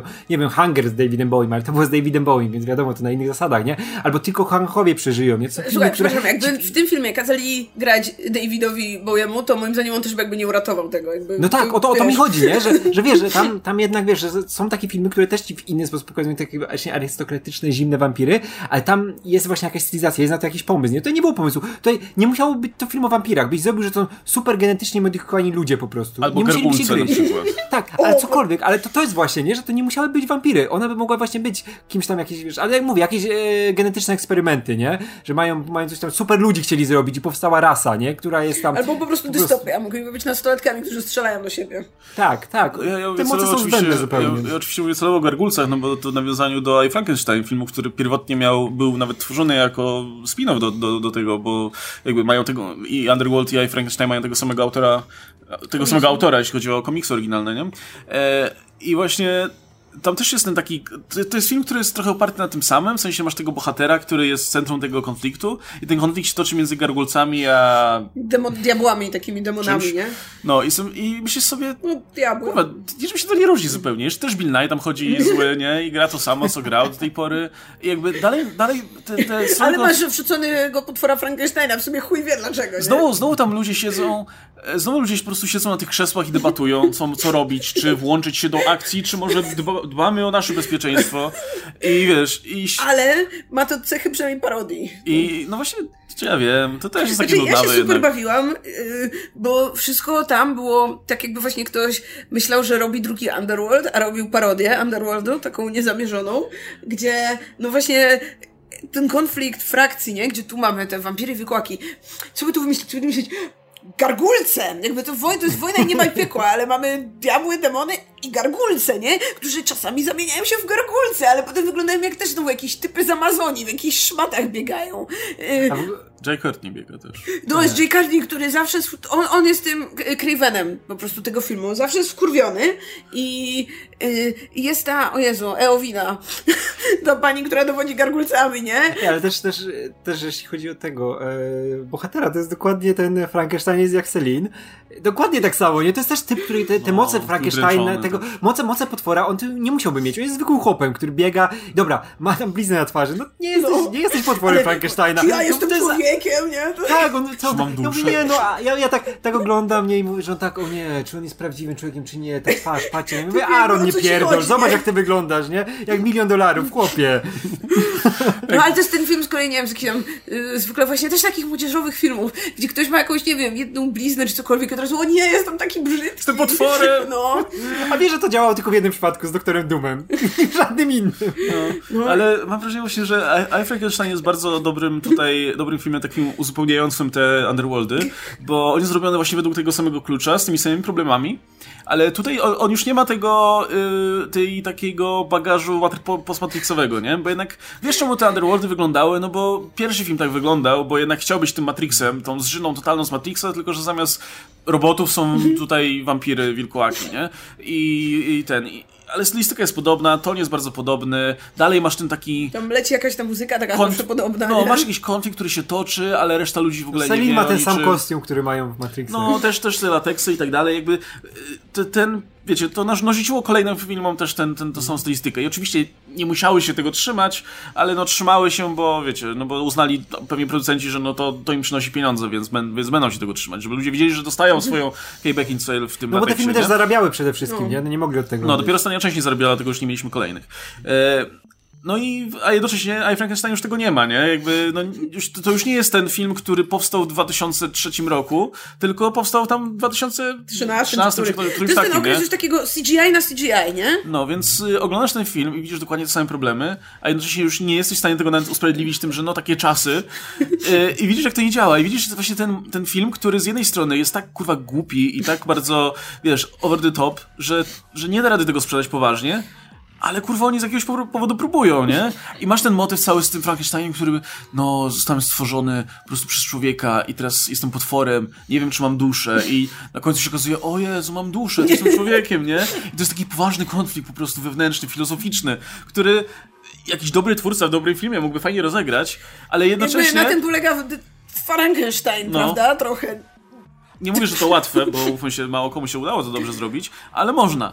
A z drugiej strony masz ten motyw, że o, biega, kurde, i rozpierdala po prostu demony. Zabija je jakąś tam specjalną bronią Kijem. specjalną. Specjalną broń, która ma tam jakieś, nie wiem, co ona, jakieś pieprzyć ma, czy coś, coś, że, że morduje lepiej Ja bym demony. Czyli w wodzie święconej, czy coś. I to by się totalnie nadało na właśnie jakąś taką palpową historię, jak wiesz, jak ten Frankenstein z komiksów DC jest taki bardzo palpowy, nie? Po prostu lata tam rozpierdala no, potwory i tyle. No, żeby właśnie tu była jakaś jucha i tak dalej, nie? A nie. I wtedy, wtedy spoko, ten Frankenstein może wyglądać po prostu dalej jak, jak, jak wygląda i może dalej mieć ból dupy, że jest potworem, ale wtedy tak to z przymrużeniem oka. I, I wtedy się, wiesz, oglądając tak jak Frankenstein bardzo szybko dochodzisz do wniosku, że kurwa, to dokładnie to samo jest w Underworldach, nie? Jakby też mają tę taką dramę i wszystko jest takie wzniosłe i takie poważne, ale ta, ta est- estetyka ani to, co te filmy faktycznie robią, w ogóle do tego nie pasuje, nie? Bo, bo to, to jest totalnie, totalny kamp i to wszystko powinno być takie je- nie na serio, bo, bo wszystko na to wskazuje, ale jest na serio i masz taki kurwa dysonans totalny, bo, bo nie wiesz, czy masz, to, czy masz się wczuć, czy nie, czy to wiesz, z jednej strony masz tą bohaterkę, która robi tą dziurę w podłodze, strzelając po prostu pistoletami, a potem nagle drama, bo nie wie, czy ma, komu może ufać i czy jej, czy wampiry dobre, czy złe i konflikt się toczy, wiesz. I to jest strasznie, kurczę, dziwne, bo to jest... I, i chyba dlatego te filmy są takim fajnym e, dzieckiem swojej epoki, bo one są jeszcze w tej takiej epoce... Yy, chociaż w sumie one jeszcze są... Czy ja wiem? W sumie one może, może już się wpisują w tą taką epokę właśnie 2010, 2000, do końca tej, tej dekady. Yy, gdzie wszystko musiało być jednak takie poważne, nie? Może one po prostu, może to też ich sukces na to wpłynął, że potem mieliśmy jednak, bo to były blockbustery, nie? To jakby, my mówimy o tym w kontekście horrorów, a często jak mówimy o horrorach, no to ta, ta nisza taka, te filmy tam na boku, co są robione, ale nie da się ukryć, że, Underworldy, no to były te filmy, no jak filmy Marvela dzisiaj, no, no kurczę, te duże produkcje, na które się chodzi, no bo się zna tych bohaterów i w ogóle, jacy by nie byli, nie? Co było nie tak I- z nami, ludźmi wtedy. Więc może, może to też był jedna cegiełka do tego, że później przez kurwa całą dekadę wszystko musiało być takie kurwa poważne i na serio. I nie mogłeś mieć wampirów, które po prostu, nie wiem, są. Yy, na, powstają, nie wiem, na mocy rytuału czy czegoś takiego, tylko nie, to jest wirus przenoszony tutaj za pomocą mutacji wirusa czy coś. Yy, Kurczę, ale wiesz co, to, to były te serie, które musiałeś napierdalać później, bo dokładnie w ten sam sposób e, Resident Evil był, nie? Gdzie też wirus ten mutujący i ten, i ta Alice, która była tak mega poważna, nie? To, to nie było tak, że tam... to jednocześnie żadna, ale tam nie było, że ona, wiesz, coś tam e, e, pozwala sobie na luz, tylko to było jednak, nawet jak te akcje były przesadzone, to to było niepoważnie, tu jest, trzeba świat ratować, nie? Bo wirus tutaj, ten... Najlepsze były te części, jak Michelle Rodriguez była i one z Alice się wtedy tak przeskakiwały, która jest bardziej na serio, nie? e, ale no właśnie to Resident Evil te- też byłoby tą bliźniaczą serią, która też ma masę podobnych problemów, ale tam jest jeszcze ta taka... Mm, no, tam, Znaczy, Paul W. jest tak, takim reżyserem, który jednak jakiego gówna nie zrobi, to to jest w jakiś sposób nęcące rozrywkowo, nie? Że No, on wie, oglądasz że to, wiesz, rozrywkę jest nie? tak, tak, tak, wiesz, że on się dobrze bawił, nie? No. Okej. A, a przy Underworldach nie do końca wiem właśnie, czy to miało być... To teoretycznie jest rozrywkowe, no bo jest dużo akcji, są te pistolety i w ogóle, ale z drugiej strony, no nie, no tutaj wszystko jest takie A tak, to poważne bardzo, Zleceniówki, nie? nie? No. Że to było zlecenie, trzeba to odbębnić, bo seria zarabia, nie? A w nowych Residentach to jest e, ten, ten e, dziecko Paula W., nie? Który chciał to zrobić, że tak wyglądało, ciągnął to przez lata, nie? Widać, że jak jest ten pierwiastek miłości, nawet do takiego gówna, do takiego tematu zajechanego, to inaczej te filmy odbiera zupełnie niż coś, co po prostu, o, musi powstać, nie? Bo, bo tak. Yy, Właśnie ża- no, żałuję po prostu, że na jakimś etapie nie zajął się jednak tym, którąś częścią ktoś, kto faktycznie mógł mieć na to jakiś pomysł, nie? Wyda- Wydaje mi się, że no, najlepszą okazją była ta część czwarta, bo, bo to już no, było trochę nowe otwarcie. Gdyby tak powiedzmy przenieść akcję w przyszłość na przykład i zrobić, 100 lat, i zrobić albo jakąś neonową przyszłość, po prostu cyberpunk totalny i wtedy te wampiry by tam pasowały idealnie w tym, z tymi płaszczami i Albo tak dalej. wampiry w kosmosie. Każdy horror y, czyjś w No, kosmosie. Też by można. Albo faktycznie róbcie dystopię, ale taką od początku do końca, nie? Że, że faktycznie już jest kurczę źle i, i, i wiecie, Blade Runner, nie? E, i, tylko, że, że no tak na, na faktycznie na, na smutno. A nie, nie pięciu ludzi na ulicach, pan jest wampir czy nie? Proszę I powiedzieć. deszcz pada. No, e, wydaje mi się, że wtedy może ta seria jeszcze by, by, by, coś, coś, coś wniosła, ale tak, no jakby zatrzymała się cały czas na tym samym, nie? Ona wizualnie wygląda cały czas tak samo.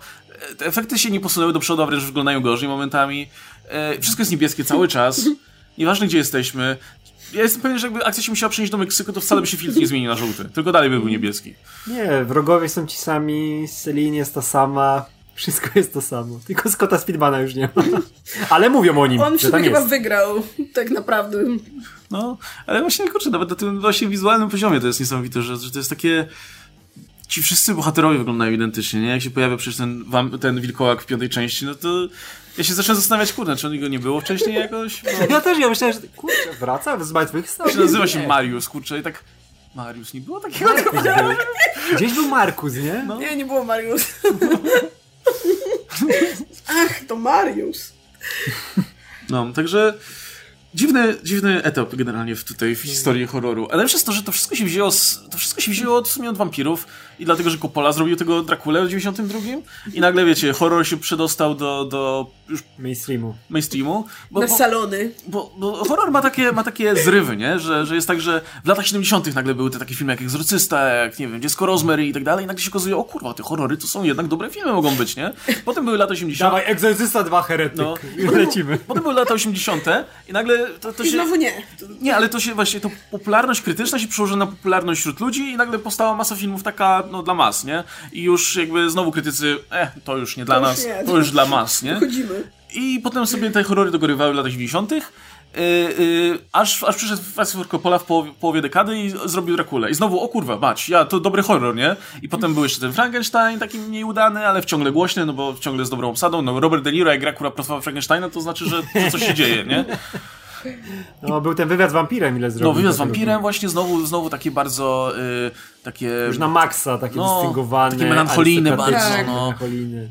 I, no i te, te Blade'y i Underworldy wchodzą w tą dek- właśnie to są te, taka powtórka z lat 80., nie? Gdzie ten horror, który został wywindowany jako coś takiego znowu, ym, no, konkretnego, to teraz jest znowu blockbustery dla mas. Ale, ale mam wrażenie, że przez to, że, że te Underworldy wyglądały jak wyglądały, no to bardzo szybko się ta epoka skończyła i, i horror wrócił tam, gdzie, gdzie, było, gdzie jego miejsce. Ale to zostawię jeszcze, Do sie- siedzi piwnicy. ten, siedzi ten producent co kilka lat tak, ten, te wampiry teraz szybciej, szybciej niech się ruszają. Teraz niech siądą, wolniej wampiry. Przez 5 lat wolniej wampiry. Nie? Jakie Później znowu, pokrętło. tak, później znowu siedzi, nie, to, to już mnie nudzą, wolne wampiry. Szybciej wampiry. Ja, ja, ja też się aż dziwię, że oni tam po prostu na jakimś etapie nie, nie zaczęli wrzucać innych potworów właśnie, bo myślę, że to by mogło jeszcze coś pomóc. Że wiecie, że no mamy te wampiry wilkołaki trochę nudne, wrzućmy tam zombie chociaż jeszcze, nie? No, może wtedy wampiry wilkołaki, nie wiem, musiałyby wejść w sojusz, cokolwiek, właśnie zmienić. Albo jedna strona zaczyna używać zombie, bo coś tam, nie? Wyobraź sobie, wyobraź sobie wilkołaki. W Blazie był jeden zombie, pamiętam, w Nie, ale nawet, nawet z tymi ludźmi mogli walczyć, jakby ci ludzie nagle, wiesz, zebrali broń, przygotowali się, żeby się napierdalać z nimi tak na maksa, nie? Tak na poważnie. I wtedy, dobra, wilkołaki, wampiry, trzeba zakochać, to, to, to wiesz, zakochać, za, zakochać, za, za, To tak bardzo zakochać. romantycznie, to tak wywiad z wampirem. Miłość, miłość wszystko wygrasz, z ludźmi wygramy miłością, nie? Ale nie, trzeba zakopać topór wojenny, trzeba te, wiesz, stare, to, już- to już jest stare historie, nie? Już tego nie pamiętamy. No już tam nie musimy żyją ci działać. starzy, co Tak, tam ten i walczymy z zaczęli, nie? To... tak, walczymy z tymi ludźmi, a ci ludzie, wiesz, coś w mechach już napierdalają, nie? Na rakietach latają. I to by było super. A tutaj, nie, no dalej, dawaj, wampiry. I za, wiesz, jak oni idą do tej roboty, do, na tą wojnę, no kurwa, znowu z tymi wilkołakami. Ja jebie, mieliśmy siedzieć sobie w tym Że lepiej było w tej kopalni, mogliśmy się nie, się nie uwalniać, No. nie? To, to mam jeszcze takie pytanie na koniec w takim razie. E, czy któryś z tych ewentualnych crossoverów, które były gdzieś tam na jakimś zawsze etapie, wydaje wam się atrakcyjny? Który, który najbardziej? Który, który faktycznie byście chcieli zobaczyć? Bo ja, ja, ja najchętniej bym zobaczył z Blade'em mimo wszystko.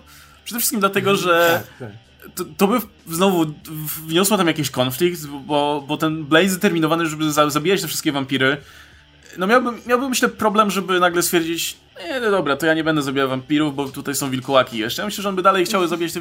I jednych i drugich, No, nie? ja myślę, że by musieli... Yy, yy, musieli Wtedy musieliby mieć sojusz, wampiry i wilkołaki, żeby wygnąć Blade'a. Też Blade'a w ogóle, no. Ale nie, to właśnie, to, to była taka faktycznie strona, która by coś wniosła do tego. E, bo, no bo jakby jedyną opcją, żeby się dogadać z Blade'em, to było tak jak w dwójce, że no, mamy tutaj jeszcze super wampiry, no to musimy się dogadać, nie? Ale tutaj, co, super hybrydy, to, to Blade by to olał, tak, dobra, wilkołaki, whatever, nie? Jakby, Ale już widzę, widzę, widzę te rozmowy między Selina a Blade'em. Bardzo cichutkie rozmowy. Rozmo- Ej, ale to było na zajebiste. Jakby przez cały film w ogóle nie mówili do siebie nic. No. Na przykład powiedzieli na końcu by było jakieś, wiesz, tak, wiesz, jednym słowem by się pożegnali, czy coś takiego. Nie, Takie, tak, tak, oni- ale wiesz, takie uznanie po prostu, nie? Tak, ale nabrali, by wizualnie czysto nabrali do siebie szacunku, widząc jak każda strona walczy, nie? Tak, na przykład widzisz, widzisz, wiesz, film się zaczyna od tego, że no każdy, Że każdy swoje, nie? A na przykład pod koniec już się na przykład kryją siebie, nie? Tak, I pomagają się wymieniają. Sobie. Ale, No. ale cały czas, ale przez cały film nie mają jakiejś dyskusji ze sobą, tylko po prostu, wiesz, na skinienie głowy wszystko, nie? I na końcu się żegnają, Blade tak rzuca i do widzenia. I I zakłada te okulary, nie? I nam odchodzi. no, no, bo- On zakłada swoją płaszcz, ona zakłada swój płaszcz. Albo wymieniałem się płaszczami. W jakimś momencie, w byli, nie wiem, musieli zostać płaszcze w szatni, bo Albo- szli na tę, nie wiem, dyskotekę wampirów i potem z- założ, założyć nie ten i tak patrzą na siebie, tak podbyka i potem wymieniałem się tylko tymi płaszczami bez słowa i... no, Ona tak patrzy, się czerwona wymieniają, pod- czy coś. Czerwona podbita. A nie. No, ale Ale ja bym co, chciała, ale- żeby potem przyszły też gargulce. O jest. Na koniec filmu, wrócił. na koniec filmu wszyscy pokonani gargulce wchodzą. Co tu się stało? Co, co, co, to, nie, co to było? Jakaś walka? Albo I Frankenstein wchodzi, nie? No. I co, co tu się wydarzyło? No, wchodzi, wchodzi tam, tam ci siedzą, ten Celine i Blade i nam nic nie mówią, wchodzi, eee, jestem potworem. Albo- I Bill Nye dwa Bill na wchodzi- ekranie. Okazuje się, że, że Góra Wiktor miał brata, brata bliźniaka, nie? Ale że to ta sama osoba była, że on miał taki plan, że jak tam zginął w Underworldzie, to wró- po prostu poszedł do piekła i wrócił jako tam diabeł, nie? Tam jakiś... Totalnie, to? totalnie, Wow. nie, wiesz, wiesz co? Totalnie powinni się ci źli połączyć wiesz, z tych różnych filmów. Powinien być ten e, Wiktor, Bill Nye jako Wiktor powinien wrócić. Powinien być ten super wampir, czyli e, ten e, Tony Karan. I powinien Dominic Purcell jako Dracula. Ale nie Dracula, jak on się Thomas tam nazywał? Kretschmann też niech wraca. Tak, i Thomas Kretschmann. I powinni zrobić takich, wiesz, super wampirów cały, tą całą drużynę. I tego, tak. I tego, tego Dominika Purcella bym tam zobaczył w tym filmie totalnie. Z tą klatą na wierzchu. Kurde, jak on się nazywał? Jak on się nazywał w tym e, w Blade'zie? On nie, nie był właśnie Dracula, tylko tak Drake. zajebiście. Drake. Drake. Drake. O Jezu, a potem jeszcze Drake wpada. Nasz Drake. Jako Dracula. I Dracula jako Drake. Nie no, i Dra- Drake by zagrał Drakulę, wiecie, tego prastarego Drakulę, czy coś. W Królowej Potępionej był ten motyw, że Lestat jest gwiazdą rocka, nie? Tak, I, tak, tak. No. I wyobrażasz sobie, że gra koncerty, kurwa, z Drake'iem, który jest Dracula po prostu. A to, było, to był cały, cały motyw, nie? W tych książkach Unrise, nie? Że on jest właśnie... Kto, ten przez, przez, no, przez de- Nie, nie, Drake może też, ale nie, jak było, że Lestat przez dekady się tam zmieniał i różne rzeczy robił i był właśnie tym rockmanem. To jest dobry pomysł, kurczę. To bym zobaczył, to bym zobaczył w Underworldach coś takiego, że jest jakiś, wiesz, wampir, który jest rockmanem, który korzysta z tego, nie? Z tej, bawi się. Nie wiem, czy to aktualne, ale pamiętam, że był taki motyw, y, że mówiło się o tym, że właśnie chyba te kroniki wampirów mają robić jako jakiś serial czy coś. No kurczę, może jeszcze dostajemy Drake'a tam na scenie. Ja nie jestem fanem, szczerze mówiąc, tych... Ja, ja mi się Królowa Potępionej akurat podobała całkiem. No, wybiera z Vampirem ma momenty. Tom Cruise tam ma fajną rolę w sumie jako, jako Lestat, y, ale, ale to, jest, to jest nudne dla mnie. Kurczę, to są te takie właśnie najnudniejsze wampiry, które tak siedzą i no, No ale chociaż właśnie, ja już wolę te niż te w Underworldzie, które właśnie nie wiadomo o co im chodzi. No siedzą przy tych schodach, nie wiesz, czy im dobrze, czy im źle, a tam chociaż są te wampiry takie, wiesz, y, Adam Mickiewicz mode. O, tęskno mi za tam ojczyzną moją, whatever, nie? I siedzą i takie, wiesz, im tak super smutno. I Właśnie ja, ja dlatego ja, jak e, dowiedziałem się nagle, że o, z wampirem ma kontynuację, Królowa Potępiony, że tam jakaś jest, Królowa Wampirów się pojawia i tak dalej, mówię, no, no spoko, sensowne, nie? No i tak nagle odpalam i tam kurwa Lestat jest gwiazdą roka w ogóle, jakieś koncerty gra. Mówię, kurwa, ten sam Lestat, co był w tym poprzednim filmie? Jest, tak, Wel, o, Weltschmerz, to jest to, co mają wampiry właśnie. Z kurde, ale super, nie? No mówię, totalnie jakbym był wampirem, to bym chciał być gwiazdą roka, bo kurwa, jesteś wampirem, nie? musisz wszystko robić, nie? Po co masz siedzieć na, na tej posadce i, i, się, i się męczyć? Ja z drugiej strony, okej, zobaczyłbym film, wiecie, taki, gdzie wampiry mają ten kryzys egzystencjonalny, że tak kurde, Że długo żyjemy, siedzimy że już to bez tutaj, sensu, nie mamy co robić, wszystko widzieliśmy, nie? No, już nic Ale to musiało być podyktowane temu, No tak, nie? to by musiało być coś o tym filmie, nie? Że ty sobie to dopowiesz, Albo nie? to by musiała być, nie wiem, jedna postać, która jest, No. uosabia to po prostu, jak ten typ, co siedział z mieszchu z długimi włosami i był taki zmęczony. Kurczę, ja zawsze, zawsze chciałem, żeby tam no, właśnie po Królowej Potępionych, żeby zrobili tą adaptację tego Armanda i żeby Antonio Banderas dostał cały film dla siebie jako wampir. No niestety nie ma. E, no może, może, może coś... Może kiedyś. Wiecie, no może wróci moda na wampiry, nie? Bo No. na razie to tak jakby zmierz trochę zaorał temat. może po tym jak Marvel zrobi Blade'a, no bo umówmy się, to jest coś, co nadejdzie. No tak. I już prędzej pewnie niż później. No i to jest ostatnia I- rzecz, o której pomówimy sobie No dzisiaj. właśnie. Czyli To mój temat. Jak już mówiliśmy o tym Blade'zie, tak, e, i zastanawiamy się, czy wampiry właśnie wrócą do wysokobudżetowego kina. E, a mówmy się, no tak jak wspomniałem, Underworldy były tym, tymi wampirami w wysokobudżetowym kinie. Czegoś, czego nie mamy dzisiaj już, bo jak już wampiry się gdzieś pojawiają, no to raczej w takim kameralnym ujęciu. No i jeśli ktoś miałby to zrobić tak, żeby to działało, no to Marvel. No bo Marvel, akurat u Marvela te wampiry są dość prominentne, szczególnie też ostatnio w komiksach. E, więc jak by zrobili tego Blade'a?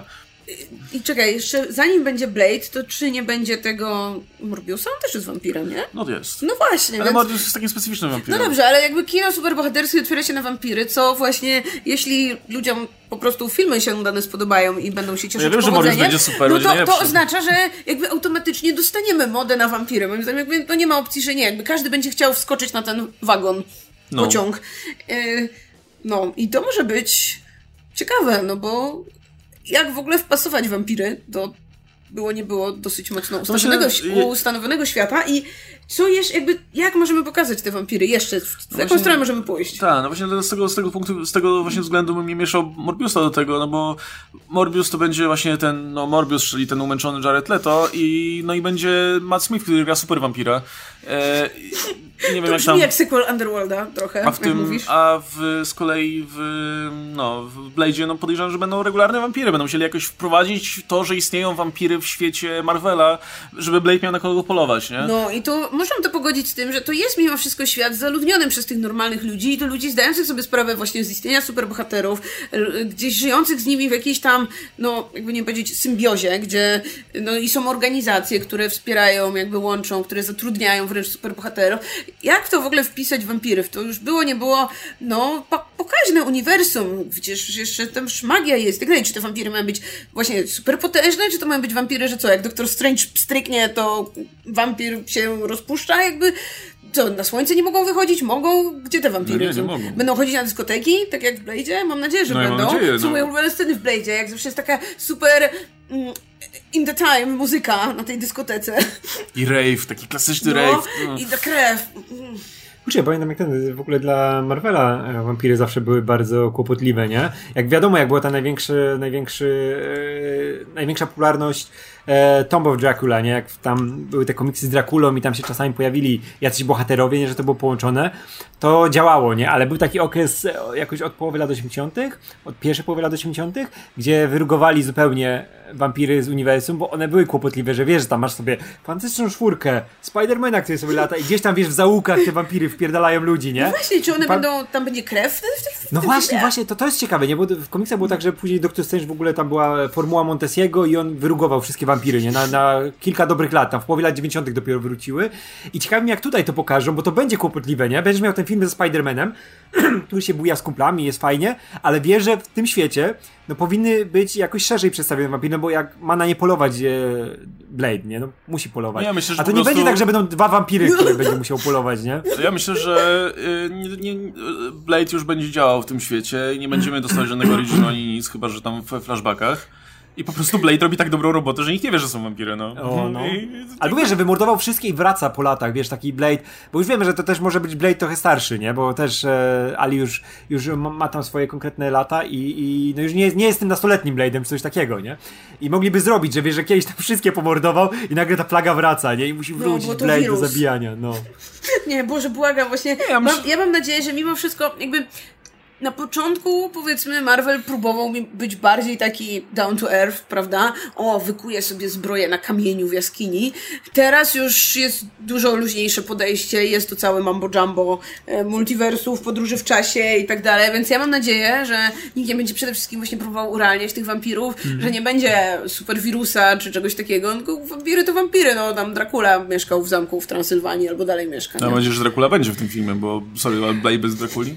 E, nie no, ja, ja wydaje mi się, że po prostu, znaczy tak, ja nie, nie jestem zwolennikiem zbyt spójnego świata, więc e, jeśli mieliby na przykład zrobić ten film taki, że kosztem, kosztem tego, że nagle ludzie będą mówić, ale jak to możliwe, że tutaj superbohaterowie sobie działają, a tutaj wampiry, to ja mam to gdzieś, kurczę, jak chcę, żeby w tym filmie to działało, tak? Żeby, żeby te wampiry były, były spoko w tym filmie, a czy to ma sens w kontekście reszty świata, czy nie, to... to Właśnie, wiesz, problem jest taki, że do tej pory to jakby dla twórców zdawało się być ważne. Nie chodzi o to, czy tobie, czy mnie to jakby przeszkadza, jeśli nie będzie ważne, tylko no, czy wierzysz w to, że nagle twórcy stwierdzą, a walić to. No Chuj, mam- wampiry. e, Ja mówię, że mam nadzieję, że tak No, będzie. wiem, ja że- wiem, że, no właśnie Spoko, to, bo na, ale jakie, to- bo na jakimś etapie no nie da rady utrzymać, jakby komiksy nie są spójne, no nigdy nie były, umówmy się. I mimo, że starają się od czasu do czasu być, to jednak zazwyczaj jest tak, że no sporo rzeczy muszą poświęcić tutaj, e, żeby, żeby działały poszczególne historie.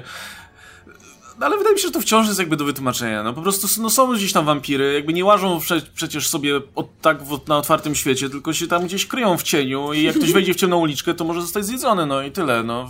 Nawet nie, nawet nie cały, tylko po prostu wypiją trochę krwi i supłyną. E, że są jakieś specjalne właśnie takie miejsca, gdzie spotykają tylko wampiry na przykład, jak te dyskoteki i tego typu rzeczy. Ja myślę, że w tym Blade'zie to fajnie działało nawet, że, że ludzie tam nie zwracali uwagi za bardzo na, na, na, na te wampiry. Po prostu no... Wiecie, no kto, jak ktoś zobaczy wampira, no to jest duża szansa, że nie dożyje tego, że będzie mógł przekazać dalej, że uwaga, wampiry, nie? Więc y, zakładam, że w ten sposób będzie działało. Że tych wampirów nie będzie jakaś plaga wielka, ale będzie ich na tyle dużo, że Blade będzie miał co robić. Natomiast y, ciekaw jestem właśnie, już też o tym gadaliśmy niedawno, y, chyba z Oscarem, czy, czy chyba z Oscarem też, jak ten, jak właśnie, jak sam Blade będzie wyglądał, nie? Czy to będzie Wesley Snipes dalej? W sensie, wiecie, a, Marshall Ali będzie ustyliz- wystylizowany w dokładnie ten, ten sam sposób? Mam nadzieję, że będzie miał tą taką fryzurę, tą taką idealnie, taką, taką razem, no. równą, taką, e, której nikt nie ma. Ale nie chciałem tego, no bo to też by było bez sensu, żeby odtwarzać to zupełnie. Ale z drugiej strony, kurwa, ten wizerunek Wesley Snipesa już się tak wpisał w, w świadomość, że trochę tak jakby, wiesz, Supermana ubrać na czerwono, nie? No, no bardziej w tę stronę niż... No więc y, podejrzewam, że zrobią coś, coś pomiędzy, że to będzie, jakby będzie, będzie, będzie chodził w tych płaszczach, będzie nosić, chodził w tych okularach, ale jednocześnie będzie trochę inny, może będzie mniej taki, wiecie, mniej kamienna twarz, a bardziej taki cool i smooth bardziej, e, bo to by pasowało też do aktora, ale podejrzewam, że wiecie, że, że y, jakby sam, samo umiejscowienie wampiru będzie podobne jak w tamtych filmach. Po prostu będą sobie gdzieś tam miały swoje rzeczy do roboty i jak tylko, wiecie, jak, jak tylko te wampiry, jak tylko jakiś wampir wystawi głowę ponad, wiecie, ponad ten poziom, gdzie już nikt nie zagląda, no to, to ten Blade mu tam tą głowę utnie bardzo szybko. no to będzie musiała być przede wszystkim taka postać, którą będziesz mógł sparować z innymi bohaterami, nie? To nie będzie mógł tak jak ten Wesleya Snipesa, który działał w tym swoim świecie, nie? Ale nie wyobrażasz sobie go za bardzo w współdzielonym uniwersum, nie? Gdzie tam musi jednak działać z innymi... Spider-Man przybija piątkę, nie? Tak, tak, tak, tak. To, to była Widziałbym postać, która to działa... No, ale nie, nie, ja bym... Ja, nie, nie, nie, nie, nie widziałbym tego za bardzo, nie? Wie, wiem, że ten Aliego wersja będzie musiała być, być troszkę inna, nie? Troszkę bardziej otwarta na, na współdziałanie, to, troszkę z innym podejściem. To też będzie fajniejsze, bo jakby miał po prostu, wiesz, grać Wesley'a Snipesa, to było strasznie nudne, nie? Więc mam nadzieję, że tam naprawdę pójdą w tą, nie wiem, bardziej disco stronę z tego Blade'u, z jego, z jego originu, a nie, nie, nie, nie, nie właśnie w pokazywanie tego, co już było, nie? Bo to by było najnudniejsze, co można zrobić z tą postacią. No, ale znaczy, ja bym chciał, żeby, żeby to wciąż był taki typ, który się bierze na serio raczej i no tak. który, który jakby traktuje tą misję bardzo śmiertelnie poważnie, ale to jak się, jeśli z czasem miałoby się trochę zmienić ze względu na przykład na jakieś wydarzenia, ze względu na poznanie, nie wiem, innych bohaterów albo na jakąś sytuację, no to, to też spoko. Wydaje mi się, że jest na to miejsce. No i żeby e, też, no właśnie, żeby nie bawili, nie, nie bali się zrobić, robić różnych dziwnych rzeczy tutaj z tymi wampirami, nie? No bo to jest, jest okazja. Jestem pewien, że, że to nie będą, wiecie, wampiry, wampiry takie jak mamy wszędzie indziej, tylko że pewnie będą miały zieloną krew albo coś w tym guście, albo nie będą miały krwi w ogóle, żeby można było ją obcinać głowy, ręce i tego typu rzeczy. E, bo niestety, no nie zrobię takiego gore jak w tych, Nie, w, no będę się jak w Blazie 2 na A to przykład, był urok? Blade'a. No, Nie, będą się jakiś budyń zamieniać albo coś takiego. no niestety, a jednak, to jednak miało, miało dużo uroku. No ale co, Nawet co właśnie zrobić? Underworld zyskało bardzo, jak w piątej części Celine wyrywa kręgosłup Mariusowi. Jakby to jest coś, czego brakowało tam wcześniej. Że w ogóle nagle to jest taki, taki zryw, zwro- zwrot i nagle Selin po tym, jak jest tym takim stoikiem i tak powoli i metodycznie działa i tak dalej. Nagle kuror spierdala wszystkich, po prostu wyrywa kręgosłupy, No jakby high time, właśnie moim zdaniem to dużo wcześniej powinni Ludziom w ogóle tam w ten, wgryza się w szyję. To w ogóle nagle, nagle, się, nagle po, po raz pierwszy pokazują, jak pije krew. Tak, nie, nie tylko po to, żeby, nie wiem, dać, żeby przeżyć czy coś, tylko po prostu, żeby zaatakować kogoś. No, miejmy nadzieję, że w Blade'zie będzie więcej tego. Dobra, słuchajcie, na tym będziemy, tak, na tym Tak. będziemy kończyć. To, było, to była nasza tutaj dyskusja o serii Underworld. Też nie sądzę, żeby ktokolwiek tutaj poświęcił tyle czasu serii Underworld, co my w tym momencie. E, Nie, nie, ja sobie założę, że trafi się przynajmniej, nie wiem, trzech fanów, którzy powiedzą, że czemu same złe rzeczy mówimy o Underworldach. No nie mówimy samych No. złych. To, było- to, mi się to bardzo fajnie przypominało. To był taki, wiesz, taka kapsuła czasu. Jedziemy jak I to jest- to jest- sukę. No ale to jest, dla mnie to cały czas działa jako taki artefakt pewnej, pewnego okresu w historii kina, nie? Który jest bardzo, był potrzebny, nie? I dobrze, że te filmy to wypełniły i nie było tego więcej, ale, ale fajnie. No nie, no ja. to- Jakby to nie były zbyt dobre filmy, ale miały swój urok i na niektórych się dobrze bawiłem. E, miło, szczególnie miło wspominam dwójkę. E, czwórka miała sporo fajnych momentów. Nawet piątka Wiesz, miała to- parę to- fajnych w ogóle momentów, to- to- ale, to- ale mniej już. Przy scenariuszu czwórki ten, e, Starczyński pracował. E, No tak jak mówiliśmy, jakby te dwa pierwsze filmy wygrywają tym, że są trochę bardziej spójne i, i są, stanowią to jedną konkretną historię. Ta trójka i czwórka e, już ma, e, nie, przepraszam, e, piąt, czwórka i piątka, one mają ten problem, że one są takim właśnie już trochę zlewem różnych pomysłów, nie? Jakby, o tutaj córka, o Jezu, nie sprawdziła się, to wyjebmy ją. I, i, i tak widać, że pojawia detektyw. E, dobra, lepiej jebać tego detektywa. Nie, córka nie wró- wróćmy, wróćmy do tego szefa wilkołaków. No. Wygląda tak samo jak wcześniej. No i to tak właśnie wi- wi- widać, że to, że to nie było już zaplanowane. To już było takie na zasadzie, no dobra, zobaczmy, co, co, co, co, co się przyklei do ściany, nie? E, ale z drugiej strony, no ja lubię dwójkę, bo tam jest dużo akcji jednak. Pamiętam, że jedynka, jedynka mnie tak kurwa nudziła. Jedna, po prostu to jest ta, jedynka jest tak nudna. Jakby zaczyna się od sceny akcji, ale potem już tak czekasz tylko, aż wreszcie coś się zacznie dziać na ekranie. W dwójce cały czas się coś dzieje.